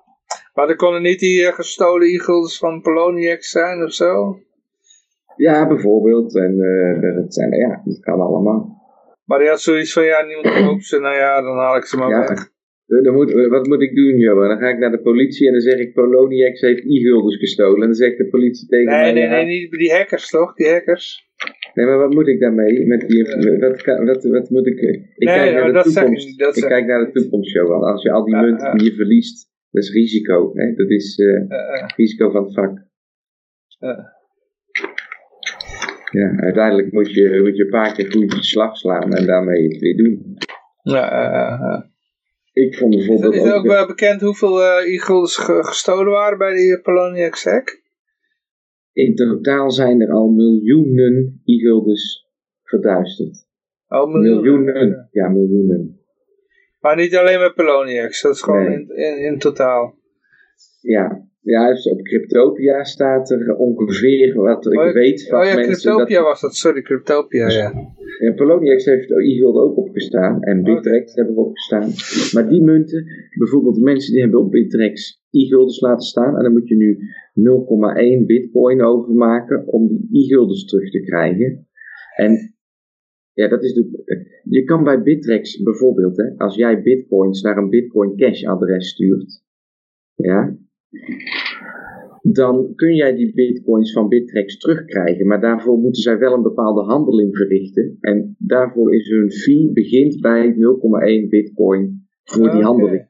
Dan moeten ze die sleutel inlezen en dan moeten ze die, Ja, ja. die foute transactie er terug uithalen. Of bijvoorbeeld tokens of Ethereum naar Ethereum Classic. Allemaal dat soort fouten. Eh, die kunnen ze dan wel oplossen, maar daar moet je voor betalen. En de e-guldens, die kun je dus ook terugkrijgen, maar dan moet je ook 0,1 bitcoin. Ja, dan moet je op de huidige koers moet je daar ongeveer, eh, wat zal het zijn? Een hele berg geld. Nou, eh, tienduizenden bitcoins moet je daar wel voor hebben staan. En dan heb je alleen maar de waarde van de dag terug, weet je wel. Dus Ja. ja, ik weet wel Ja, dat... ik, ik had, ik had uh, daarmee, daarmee ben ik ook, uh, ja, ik, ik, ik, laatst had ik even mijn Bittrex leeg gehaald. Ik had er uh, ja, wat Dash en wat Ethereum, van allerlei kleine dingetjes, maar dat was allemaal te laag om eraf te halen. Weet Oh, je wel? ja. Je Dus ik moest dan, ik moest dan eh, ex- eh, extra Ethereum naartoe sturen, extra Dash naartoe sturen, extra dingen. Ja, Om het weer er allemaal er vanaf te krijgen, weet had je het wel. allemaal verkocht voor Doge en dan had je het via Doge eraf gehaald. Nou, we- weet je wat jij betaald hebt aan fees om die dust daar weg te halen, Johan? Ja, Dash je niet zoveel fees voor hoor. Ik heb die Ethereum ook verkocht voor Dash dan, maar goed, het is, eh, ja, Nou, oké. in ieder geval, eh, ik heb, eh, ja, ik heb er geen Ethereum aan toegestuurd, maar ik heb, ik heb uiteindelijk al, in- Dash heb ik het eruit getrokken, weet je wel. Alle dust. Maar dat ging, de, dat ging op redelijk bedragen in euro's, hè. Dus in, in euro's was het toch wel aardig wat, daar kon je wel een kratje bier voor kopen, zeg maar. Dus, eh, maar dan nog, het moest een eh x bedrag zijn voor je het er vanaf kon halen. Dus Hm. ja, Ik had nog wat te melden, ben ik nou vergeten. oké. Eh, maar ik heb wel nog een ervaring van iemand anders die ik nog ook kan delen. Want dat dacht ik nu aan, nou jij dat zegt. Ik had iemand uitleg gegeven over bitcoin. Mhm. Ehm, en toen sprak die weer met iemand anders. En die had het over Ethereum. En die had dus een blockchain.com wallet. En daar heb je een swap functie. Oké. En toen hadden ze gezegd, ik wil er voor 25 euro Ethereum. Nee. Toen kreeg ze uiteindelijk 9 euro Ethereum in de wallet. Want de rest was transactiekosten. En Ja, ja, ja, en- precies. Toen zei ik, nou, dan heb je toch 9 euro. Nou, ik zeg, maar het probleem is wel dat als je nou weer terug wil naar die bitcoin, dan heb je dus te weinig om Ja. die transactie te maken. ja, ja, ja. Ik zeg, nou, ja, ik doe, ik doe ook niks meer in Ethereum inmiddels. ik heb ook mijn, vandaag toevallig, laatst, vandaag, vandaag mijn laatste Ethereum omgewisseld. Hm. Ik denk, daar kan ik helemaal niks meer mee. Ja, dit is wel, eh, je kan niet meer gezellig eh, lopen swappen of zo. Want Nee. je, je, je moet gewoon met, met minimaal een aantal Ethereum die swap maken. Om Eh, eh, de fee een beetje draaglijk te houden. Want als je met 500 euro gaat swappen, nou dan hou je niks over. ja, we hebben al twee gefaalde projecten joh, in de top 20. ja, ik had wel eh, vandaag... maar- ja? Eh, Ethereum 2.0 hè? Soon. Ja, ja, ja, ja, ja. Oh, ja. Als bij Ethereum zegt eh soon, dat, eh, dat kan een paar jaar duren? Ja, precies. Ja. Nou, Eh, misschien, dat, ik, misschien dat ik nog toe wilde voegen van ik, het feit dat die verkooporders er nou uit zijn gehaald. Ik denk dus dat degene die die orders ten eerste al geplaatst heeft, dat hij dus in heel veel markten zich mengt. Snap je? Ja. E-gulden is één van de vele projecten die ze onder beheer hebben. En gewoon alle cryptomunten hebben ze zich. Je merkte dat gewoon. Er was een bepaalde periode, 2017, Johan, waarin gewoon die munten één voor één werden ze allemaal gekocht. Snap je? En dat is gewoon één grote financiële speler die ook alle andere dingen opkoopt. Heeft ook dit zitten opkopen. Snap je? En die koopt zich gewoon overal in. maar dat zou jij toch ook kunnen zijn? Jij doet dat toch ook? Ja, maar het, het, ga- het, gaat, het maakt niet uit wie het is, maar het gaat er dus om dat ik denk dat het één partij is. En als ze in de e-gulden hun orders eruit halen, dan betekent dat dat ze in al die andere projecten waar ze ook in mingen, hebben ze nu ook een andere koers weer ingezet. Het gaat erom, Johan, dat je, als je dus de bank bent en die het geld uitgeeft, dan de manier waarop ze extra winst maken, nog extra, is doordat ze bepalen hoe die conjunctuur loopt. En wanneer komt er geld in de markt en wanneer gaat er geld uit de markt. En als je op het goede moment het geld uit de markt haalt en dan heb je net allerlei leningen uitstaan bij mensen, kunnen die mensen die leningen ineens niet meer terugbetalen, want dan gaat het geld uit de markt en zij hebben dat geld nodig om die lening af te betalen. Dan gaan ze failliet en dan koop je het allemaal weer goedkoop op en dan gaat het weer in de markt en dan kun je een maximaal winst maken en dan verkoop je al die bedrijven weer. Nou, en zo door die beweging in die markt, eh, ja, dat, heeft met, dat, dat merk je dus ook nu aan een e-gulden, denk ik. Ja, ik weet niet, als een verkooporde plaat. Wat ik zit te denken is van, ik heb het ook een keer gedaan toen met die Spice. En ik had er een paar miljoen van liggen. En ik denk van, nou ja, ik gooi die, die order gewoon, eh, ik denk nou die gaat tot de duizend. Dus ik zet ergens op duizend, zet ik zo'n verkooporder van een miljoen Spice. En dan merk ik gewoon dat dat opvalt, want ja, alle andere orders zijn in de tienduizenden. En in één keer, bam, staat er de 1 miljoen of zo. En eh, mensen zien dat. Dus eh, die gaan allemaal, ja, net niet daar naartoe. Die, uh, dus ik eh, tik net die, niet uh, mijn bedrag aan, weet je wel. Ja. Dan denk je, nou ja, dan trek ik hem terug. En dan uh, ga ik het gewoon met market orders, ga ik het af. Te, als die zo een beetje rond dat bedrag komt, doe ik even kleine market verkoopjes, weet je wel. Van Ja. die 10.000 stuks per keer. En dat doe ik elke keer, dat gaat hij weer omhoog. Huppa, doe ik er weer 10.000 eruit. En uh, zo kom ik ook wel door mijn miljoen heen, weet je wel. Ja, dat kan toch ook? Ja, Ja. natuurlijk. Nee, maar dat klopt Ja. wel. Maar op het moment dus dat, zij, dat die miljoen er dan uitgaat, breekt hij er ook even doorheen. Snap je? Ja, ja maar als En- mensen en- zo'n bedrag van een miljoen in zo'n muur zien staan, ja, dan, eh, dan, dan, eh, dan, eh, dan denken ze zo van, oh ja, ja, we gaan niet die wil een beetje lopen spekken, weet je wel. Nee, maar er zijn dus mensen en die willen, die willen een bepaald verhaal vertellen. En geld is daarbij, maakt niet uit. Het gaat erom Ja. dat zij dat verhaal kunnen vertellen. En daarom moeten ze dus eh, al die crypto's pumpen. En dan gaan we maar weer het verhaal herhalen wat ik al heel vaak verteld. Maar, eh, en dan wordt in december 2017 iedereen verlekkerd om crypto te kopen. Want dat is het rijke westen. Dat zijn de mensen, de, de helft van de 8 miljoen mensen op aarde met een bankrekening waar iets op staat ook nog eens. Weet je wel? Dus op dat moment wordt in alle media eh, gesproken ineens over bitcoin en hoe geweldig het allemaal is. En op dat moment kom ik in het AD te staan dat ik rippels koop. Terwijl dat ze op dat moment net 3 euro per stuk kosten. En vanaf dat moment moeten ze ook dat geld weer uit de markt. En dan zitten al die mensen met hun veel te dure crypto's aangekocht via de media eh, propaganda. Nou, en, en dat moeten ze dan vasthouden tot net voor de blokhalving. En dan moet iedereen in paniek wc-papier kopen van zijn crypto's. Eh, ja, ik heb nou mijn zwager aan de cryptos geholpen. Dus, eh, nou, oh man, dan zie je echt dat iemand die... En ik ken hem al meer, nou, meer dan tien jaar, weet je wel. Hij weet al dat ik al tien jaar in de crypto zit. En heeft dat allemaal maar aangehoord en dan gaat hij nu pas erin, weet je wel. dus ja, ik heb hem al tien jaar geleden verteld over bitcoin. dus nu maakt hij die stap. Ik zeg nou, bitcoin is een beetje laat. Want dat Dus dat is voor jou een teken om eruit te stappen eigenlijk nou. Nou, nee, nee, nee. nee. Als mijn schoonvader erin gaat, dan wel. Oh. hij niet, hij niet. Maar eh, ik heb nou eindelijk aan de crypto gekregen. Maar god, man, man, man, man. Dan merk je inderdaad eh, ja, dat het toch een nerdy project is. Voor mij niet, weet je wel. Maar ja, ja het is ook een beetje moeilijk gemaakt. Want je moet je paspoort... hij doet dan legaal. Hè. Ik heb eerst uitgelegd hoe je dat met... eh, hoe dat? Met eh, local bitcoins, local.bitcoin.com doet. Dus zonder KYC. Maar ja, dan merk je dat die prijzen daar best wel ongunstig zijn. Hè? Die prijzen zijn best wel hoger. Dus die, al die mensen die een reputatie hebben, ja, die vragen ook hoge prijzen voor, eh, voor de bitcoin. En ja, iedereen die een lage prijs vraagt, die heeft nog nooit een, tran- een transactie gedaan. Dus die heeft geen enkele reputatie. Hmm, hmm. Dus ja, dat ga je dan ook niet kopen. Dus zie je inderdaad dat die reputatie is geld waard. Kan dus, ook eh, wel weer gekocht worden dan, hè, die reputatie. Ja, precies. Want ik, ik had ook zoiets van, nou ja, Want ik had op een gegeven moment een eh, vriend van mij uh, het uitgelegd hoe het werkt met local.bitcoin.com.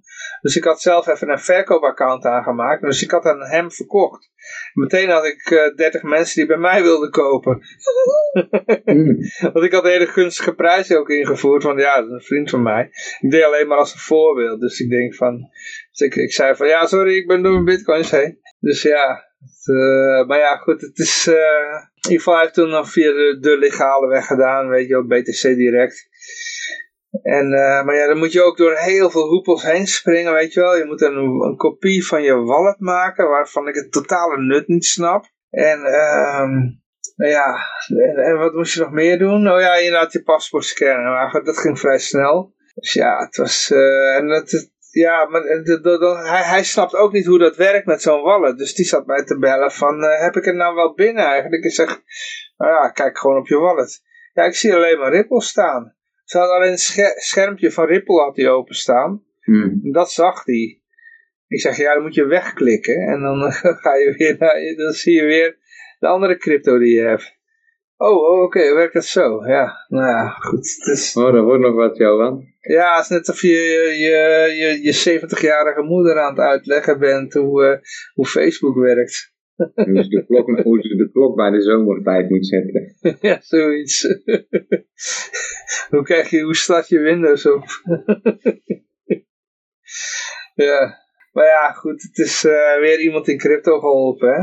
Dus... Uh, ja, dat wel. Dus uiteindelijk, het is altijd wel, als je die mensen in crypto hebt die er niet klaar voor zijn, Johan, dan, ik, ik, raak, ik ben dan heel erg bang dat die mensen uiteindelijk hun sleutels kwijtraken, zijn ze het geld gewoon kwijt. Ja, dat heb ik hem ook nog moeten uitleggen inderdaad. Van, en dat vond hij heel vervelend. Ik zeg, ja, waarom moet je dat? Ik zeg, nou ja, het is jouw wallet, het is jouw geld. Hè, dus hiermee kan je, zeg maar weer... Uh, maar toen heb ik, heb ik maar meteen voor hem een portemonnee uh, van, op zijn computer en op zijn telefoon gedaan hij kon met die, die sheets, kon hij dus op zijn telefoon ook nog die wallet aanmaken. En toen snapte hij dit in één keer. Oké, dus dan heb ik in één keer toegang tot... Uh, oh, dat is handig. Dus ieder apparaat, ja, ieder apparaat hoef je alleen maar die sheets in te voeren. En dan, huppakee, heb je daar een kopie van. En wees er zuinig op, want een dief die kan het ook uh, pakken, weet je wel. Dus uh, zo, zo, zo werkt dat. En dan snapt hij dat wel, weet je wel. Ja. Dus dat is, zo, zo werkt dat. Dus dan heb je weer eentje erbij.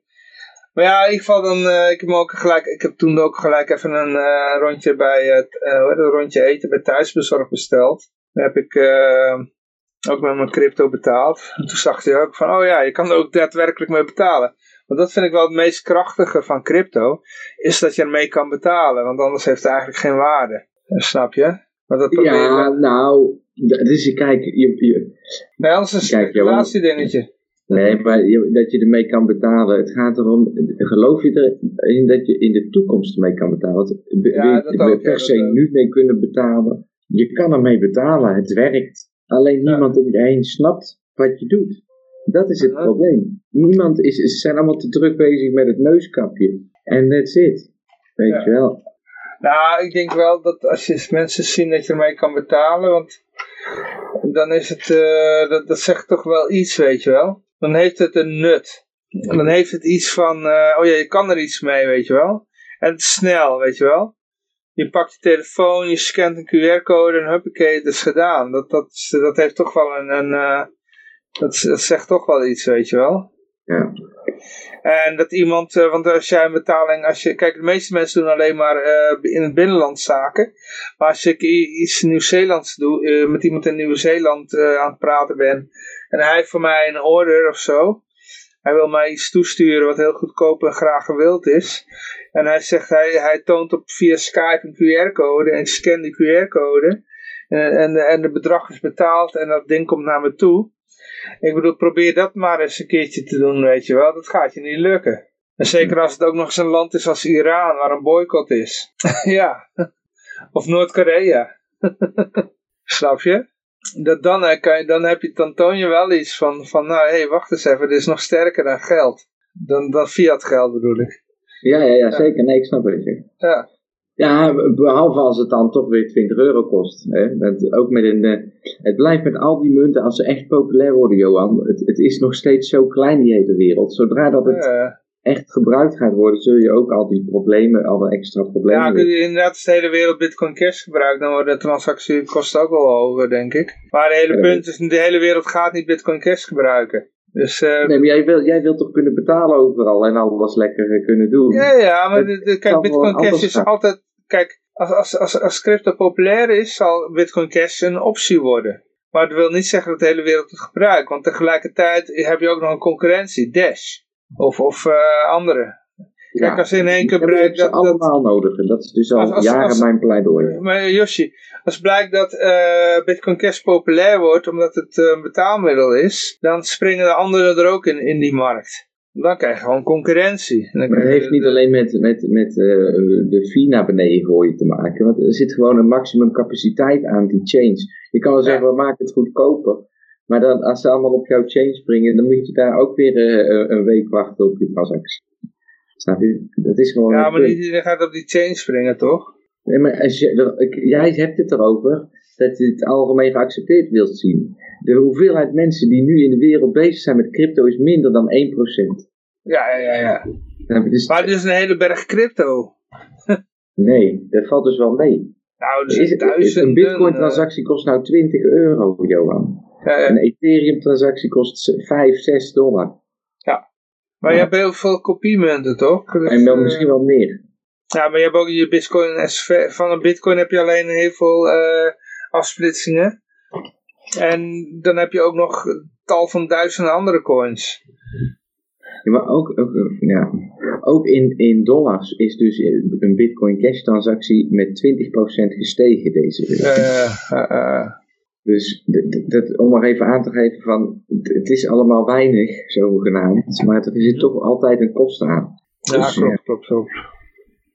Maar ik denk wel, dat is gewoon de, de, de, de, hoe de markt werkt. Als iets populair is, eh, is, dan wil iedereen op die bandwagon springen. Maar dit is ook weer een reden waarom ik dan zeg van, weet je wel, al die projecten die dus op een chain zichzelf lanceren als een token of als een, eh, whatever het ze tegenwoordig allemaal noemen, weet je wel. Eh, dan zit je dus altijd gebonden aan die chain. Dat is leuk, want dan kun je heel veel funding binnenkrijgen via alle mensen die die munten hebben. Ehm, Maar dan ben je op een gegeven moment dus met je transactiekosten gebonden aan ja, al die projecten die datzelfde gebruiken als jij. Ja, Dus- Ja. Ik ben altijd voor projecten met een eigen chain. De- ik, ik, ik investeer liever in een Monero dan in het laatste DeFi-project of whatever, weet je wel. ja, En Monero, Ja. by the way, heeft dus een, eh, een algoritme en daarbij gaat de block size, als de block size een bepaald percentage gevuld is, wordt het vergroot, zoiets. Er zit een bepaalde variabele, eh, Bi- Bitcoin toch ook, Bitcoin Cash toch ook naartoe? dat weet ik niet. Dat weet ik niet. Nee. Kan je zeggen, Johan, ik verwacht nu, als er niks verandert aan hoe dat de markt van e-gulden nu staat, dat we volgende week op een euro staan. Met e-gulden. Oh, Als er, als ja, er ja, ja. niks aan gebeurt, hè, dus dit hele gesprek van mij, het, niemand pikt dat op en er gebeurt dit, gebeurt verder gewoon. Er gebeurt niks, dan staan we volgende week op een euro. per Ja, maar je moet wel kopers hebben natuurlijk. En als die er niet zijn, dan, eh, ja, dan gaat dit... ehm, Ja, dat. Maar stel dat er nou wel gekocht wordt met een bepaald volume, ja, dan zou je zomaar eens kunnen voorspellen dat hij volgende week op een euro staat. Waar kunnen mensen e-gulden kopen? Ja, nou dat is op het moment is een lastige, want ik, ik adviseer je om Oh, dan snap ik wel waarom. op die beurs te gaan. nee, goed, ja. Ja, Ja. heb je het antwoord al gegeven. Nee, maar goed. ehm, Maar nee, heel eventjes, want ik Ja, heb dus, ja. er zijn wel meldingen dat het slecht is gegaan. Ik moet ook eerlijk toegeven, dan moet ik wel het hele verhaal vertellen. Het, staat dus op unnamed.exchange. Ik heb deze week een transactie, meerdere, me- meerdere withdrawals gedaan.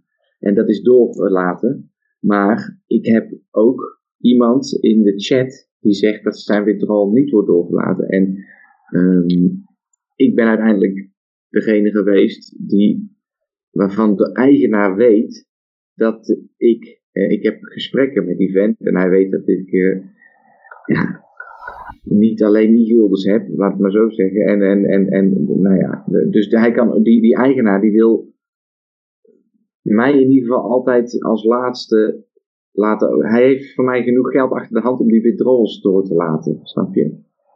Oké. Het zijn Ethereum withdrawal op deze beurs is dus uitgeschakeld. En ik heb, ja, er moeten ook e-guldens op uh, bestaan voordat er een Ethereum uitkomt, snap je? Dus um, zoveel e-gulden staan er dus ook voor mij niet op deze beurs. Maar ja, het is een lastig verhaal. En de, de, de withdrawals gaan inderdaad dus wel gewoon door. Bij mij.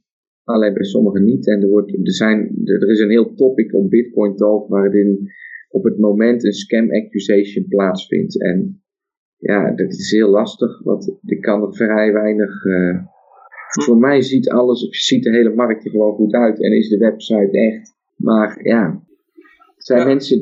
Dus het, ik zal, het verhaal gaat dat zij. Uh, maar dit, dit, is dus, dit is het verhaal. Hè. Ik kan niet. Uh, ik heb het niet verzonnen en ik kan ook niet bevestigen dat het waar is. Dat zij de Dogecoins van hun klanten hebben gebruikt om op een hoge prijs te verkopen. En dat ze dachten dat het naar beneden zou gaan. Maar toen schoot dus de Doge door, omdat Elon Musk instapte naar de 200. En die staat nu nog steeds boven de 100. En, en, en zij zijn uitgestapt rond de 70. Nou, en dan hebben ze nou dus een enorme gap waarin ze al die Doge van hun klanten ja, met verlies moeten terugkopen. Op de een of andere manier moeten ze dat zien te regelen. En dat is het verhaal wat er rondgaat. En dat kan ik dus niet bevestigen of ontkennen. Ik kan alleen, ik kan alleen zeggen dat het. Ik vond het een leuke eigenaar en dat is meestal een slecht teken. Dus, ja. snap je? Maar ik vind, ja, het is, ze doen gewoon hun best en ze leveren een cryptodienst die eigenlijk gewoon overbodig zou moeten zijn. Want je moet met elkaar crypto verhandelen en niet. Maar het is niet uh, decentraal of zo. Nee, het is gewoon net als Bitrex, net als Poloniex, net als alle cryptobeurzen. Tenminste, de niet-decentrale cryptobeurzen. Niet de Uniswaps dus. Maar die Uniswap kan ook alleen maar Uniswap zijn, omdat je dus alleen maar tokens, dat zijn geen echte cryptomunten, dat zijn tokens die je op Uniswap verhandelt. Snap je? Dus ja. Ja. Nee, maar goed, ja, dat zal er in de toekomst wel komen. Maar uh, goed, ja, we zijn een beetje aan het einde gekomen. Ik wil in ieder geval iedereen hartelijk danken voor het uh, luisteren. Uiteraard uh, zijn we volgende week weer. Oh ja, en de deelnemers natuurlijk hartelijk dank voor het deelnemen. Uiteraard zijn we volgende week weer. Ik wens iedereen een vrolijke en vooral heel erg vrije week toe. En ik zou zeggen, oh ja, volgende week van Manders dan. Over thuisonderwijs. En nou, ik zou zeggen, toedeledokie en uh, hartstikke Thank you.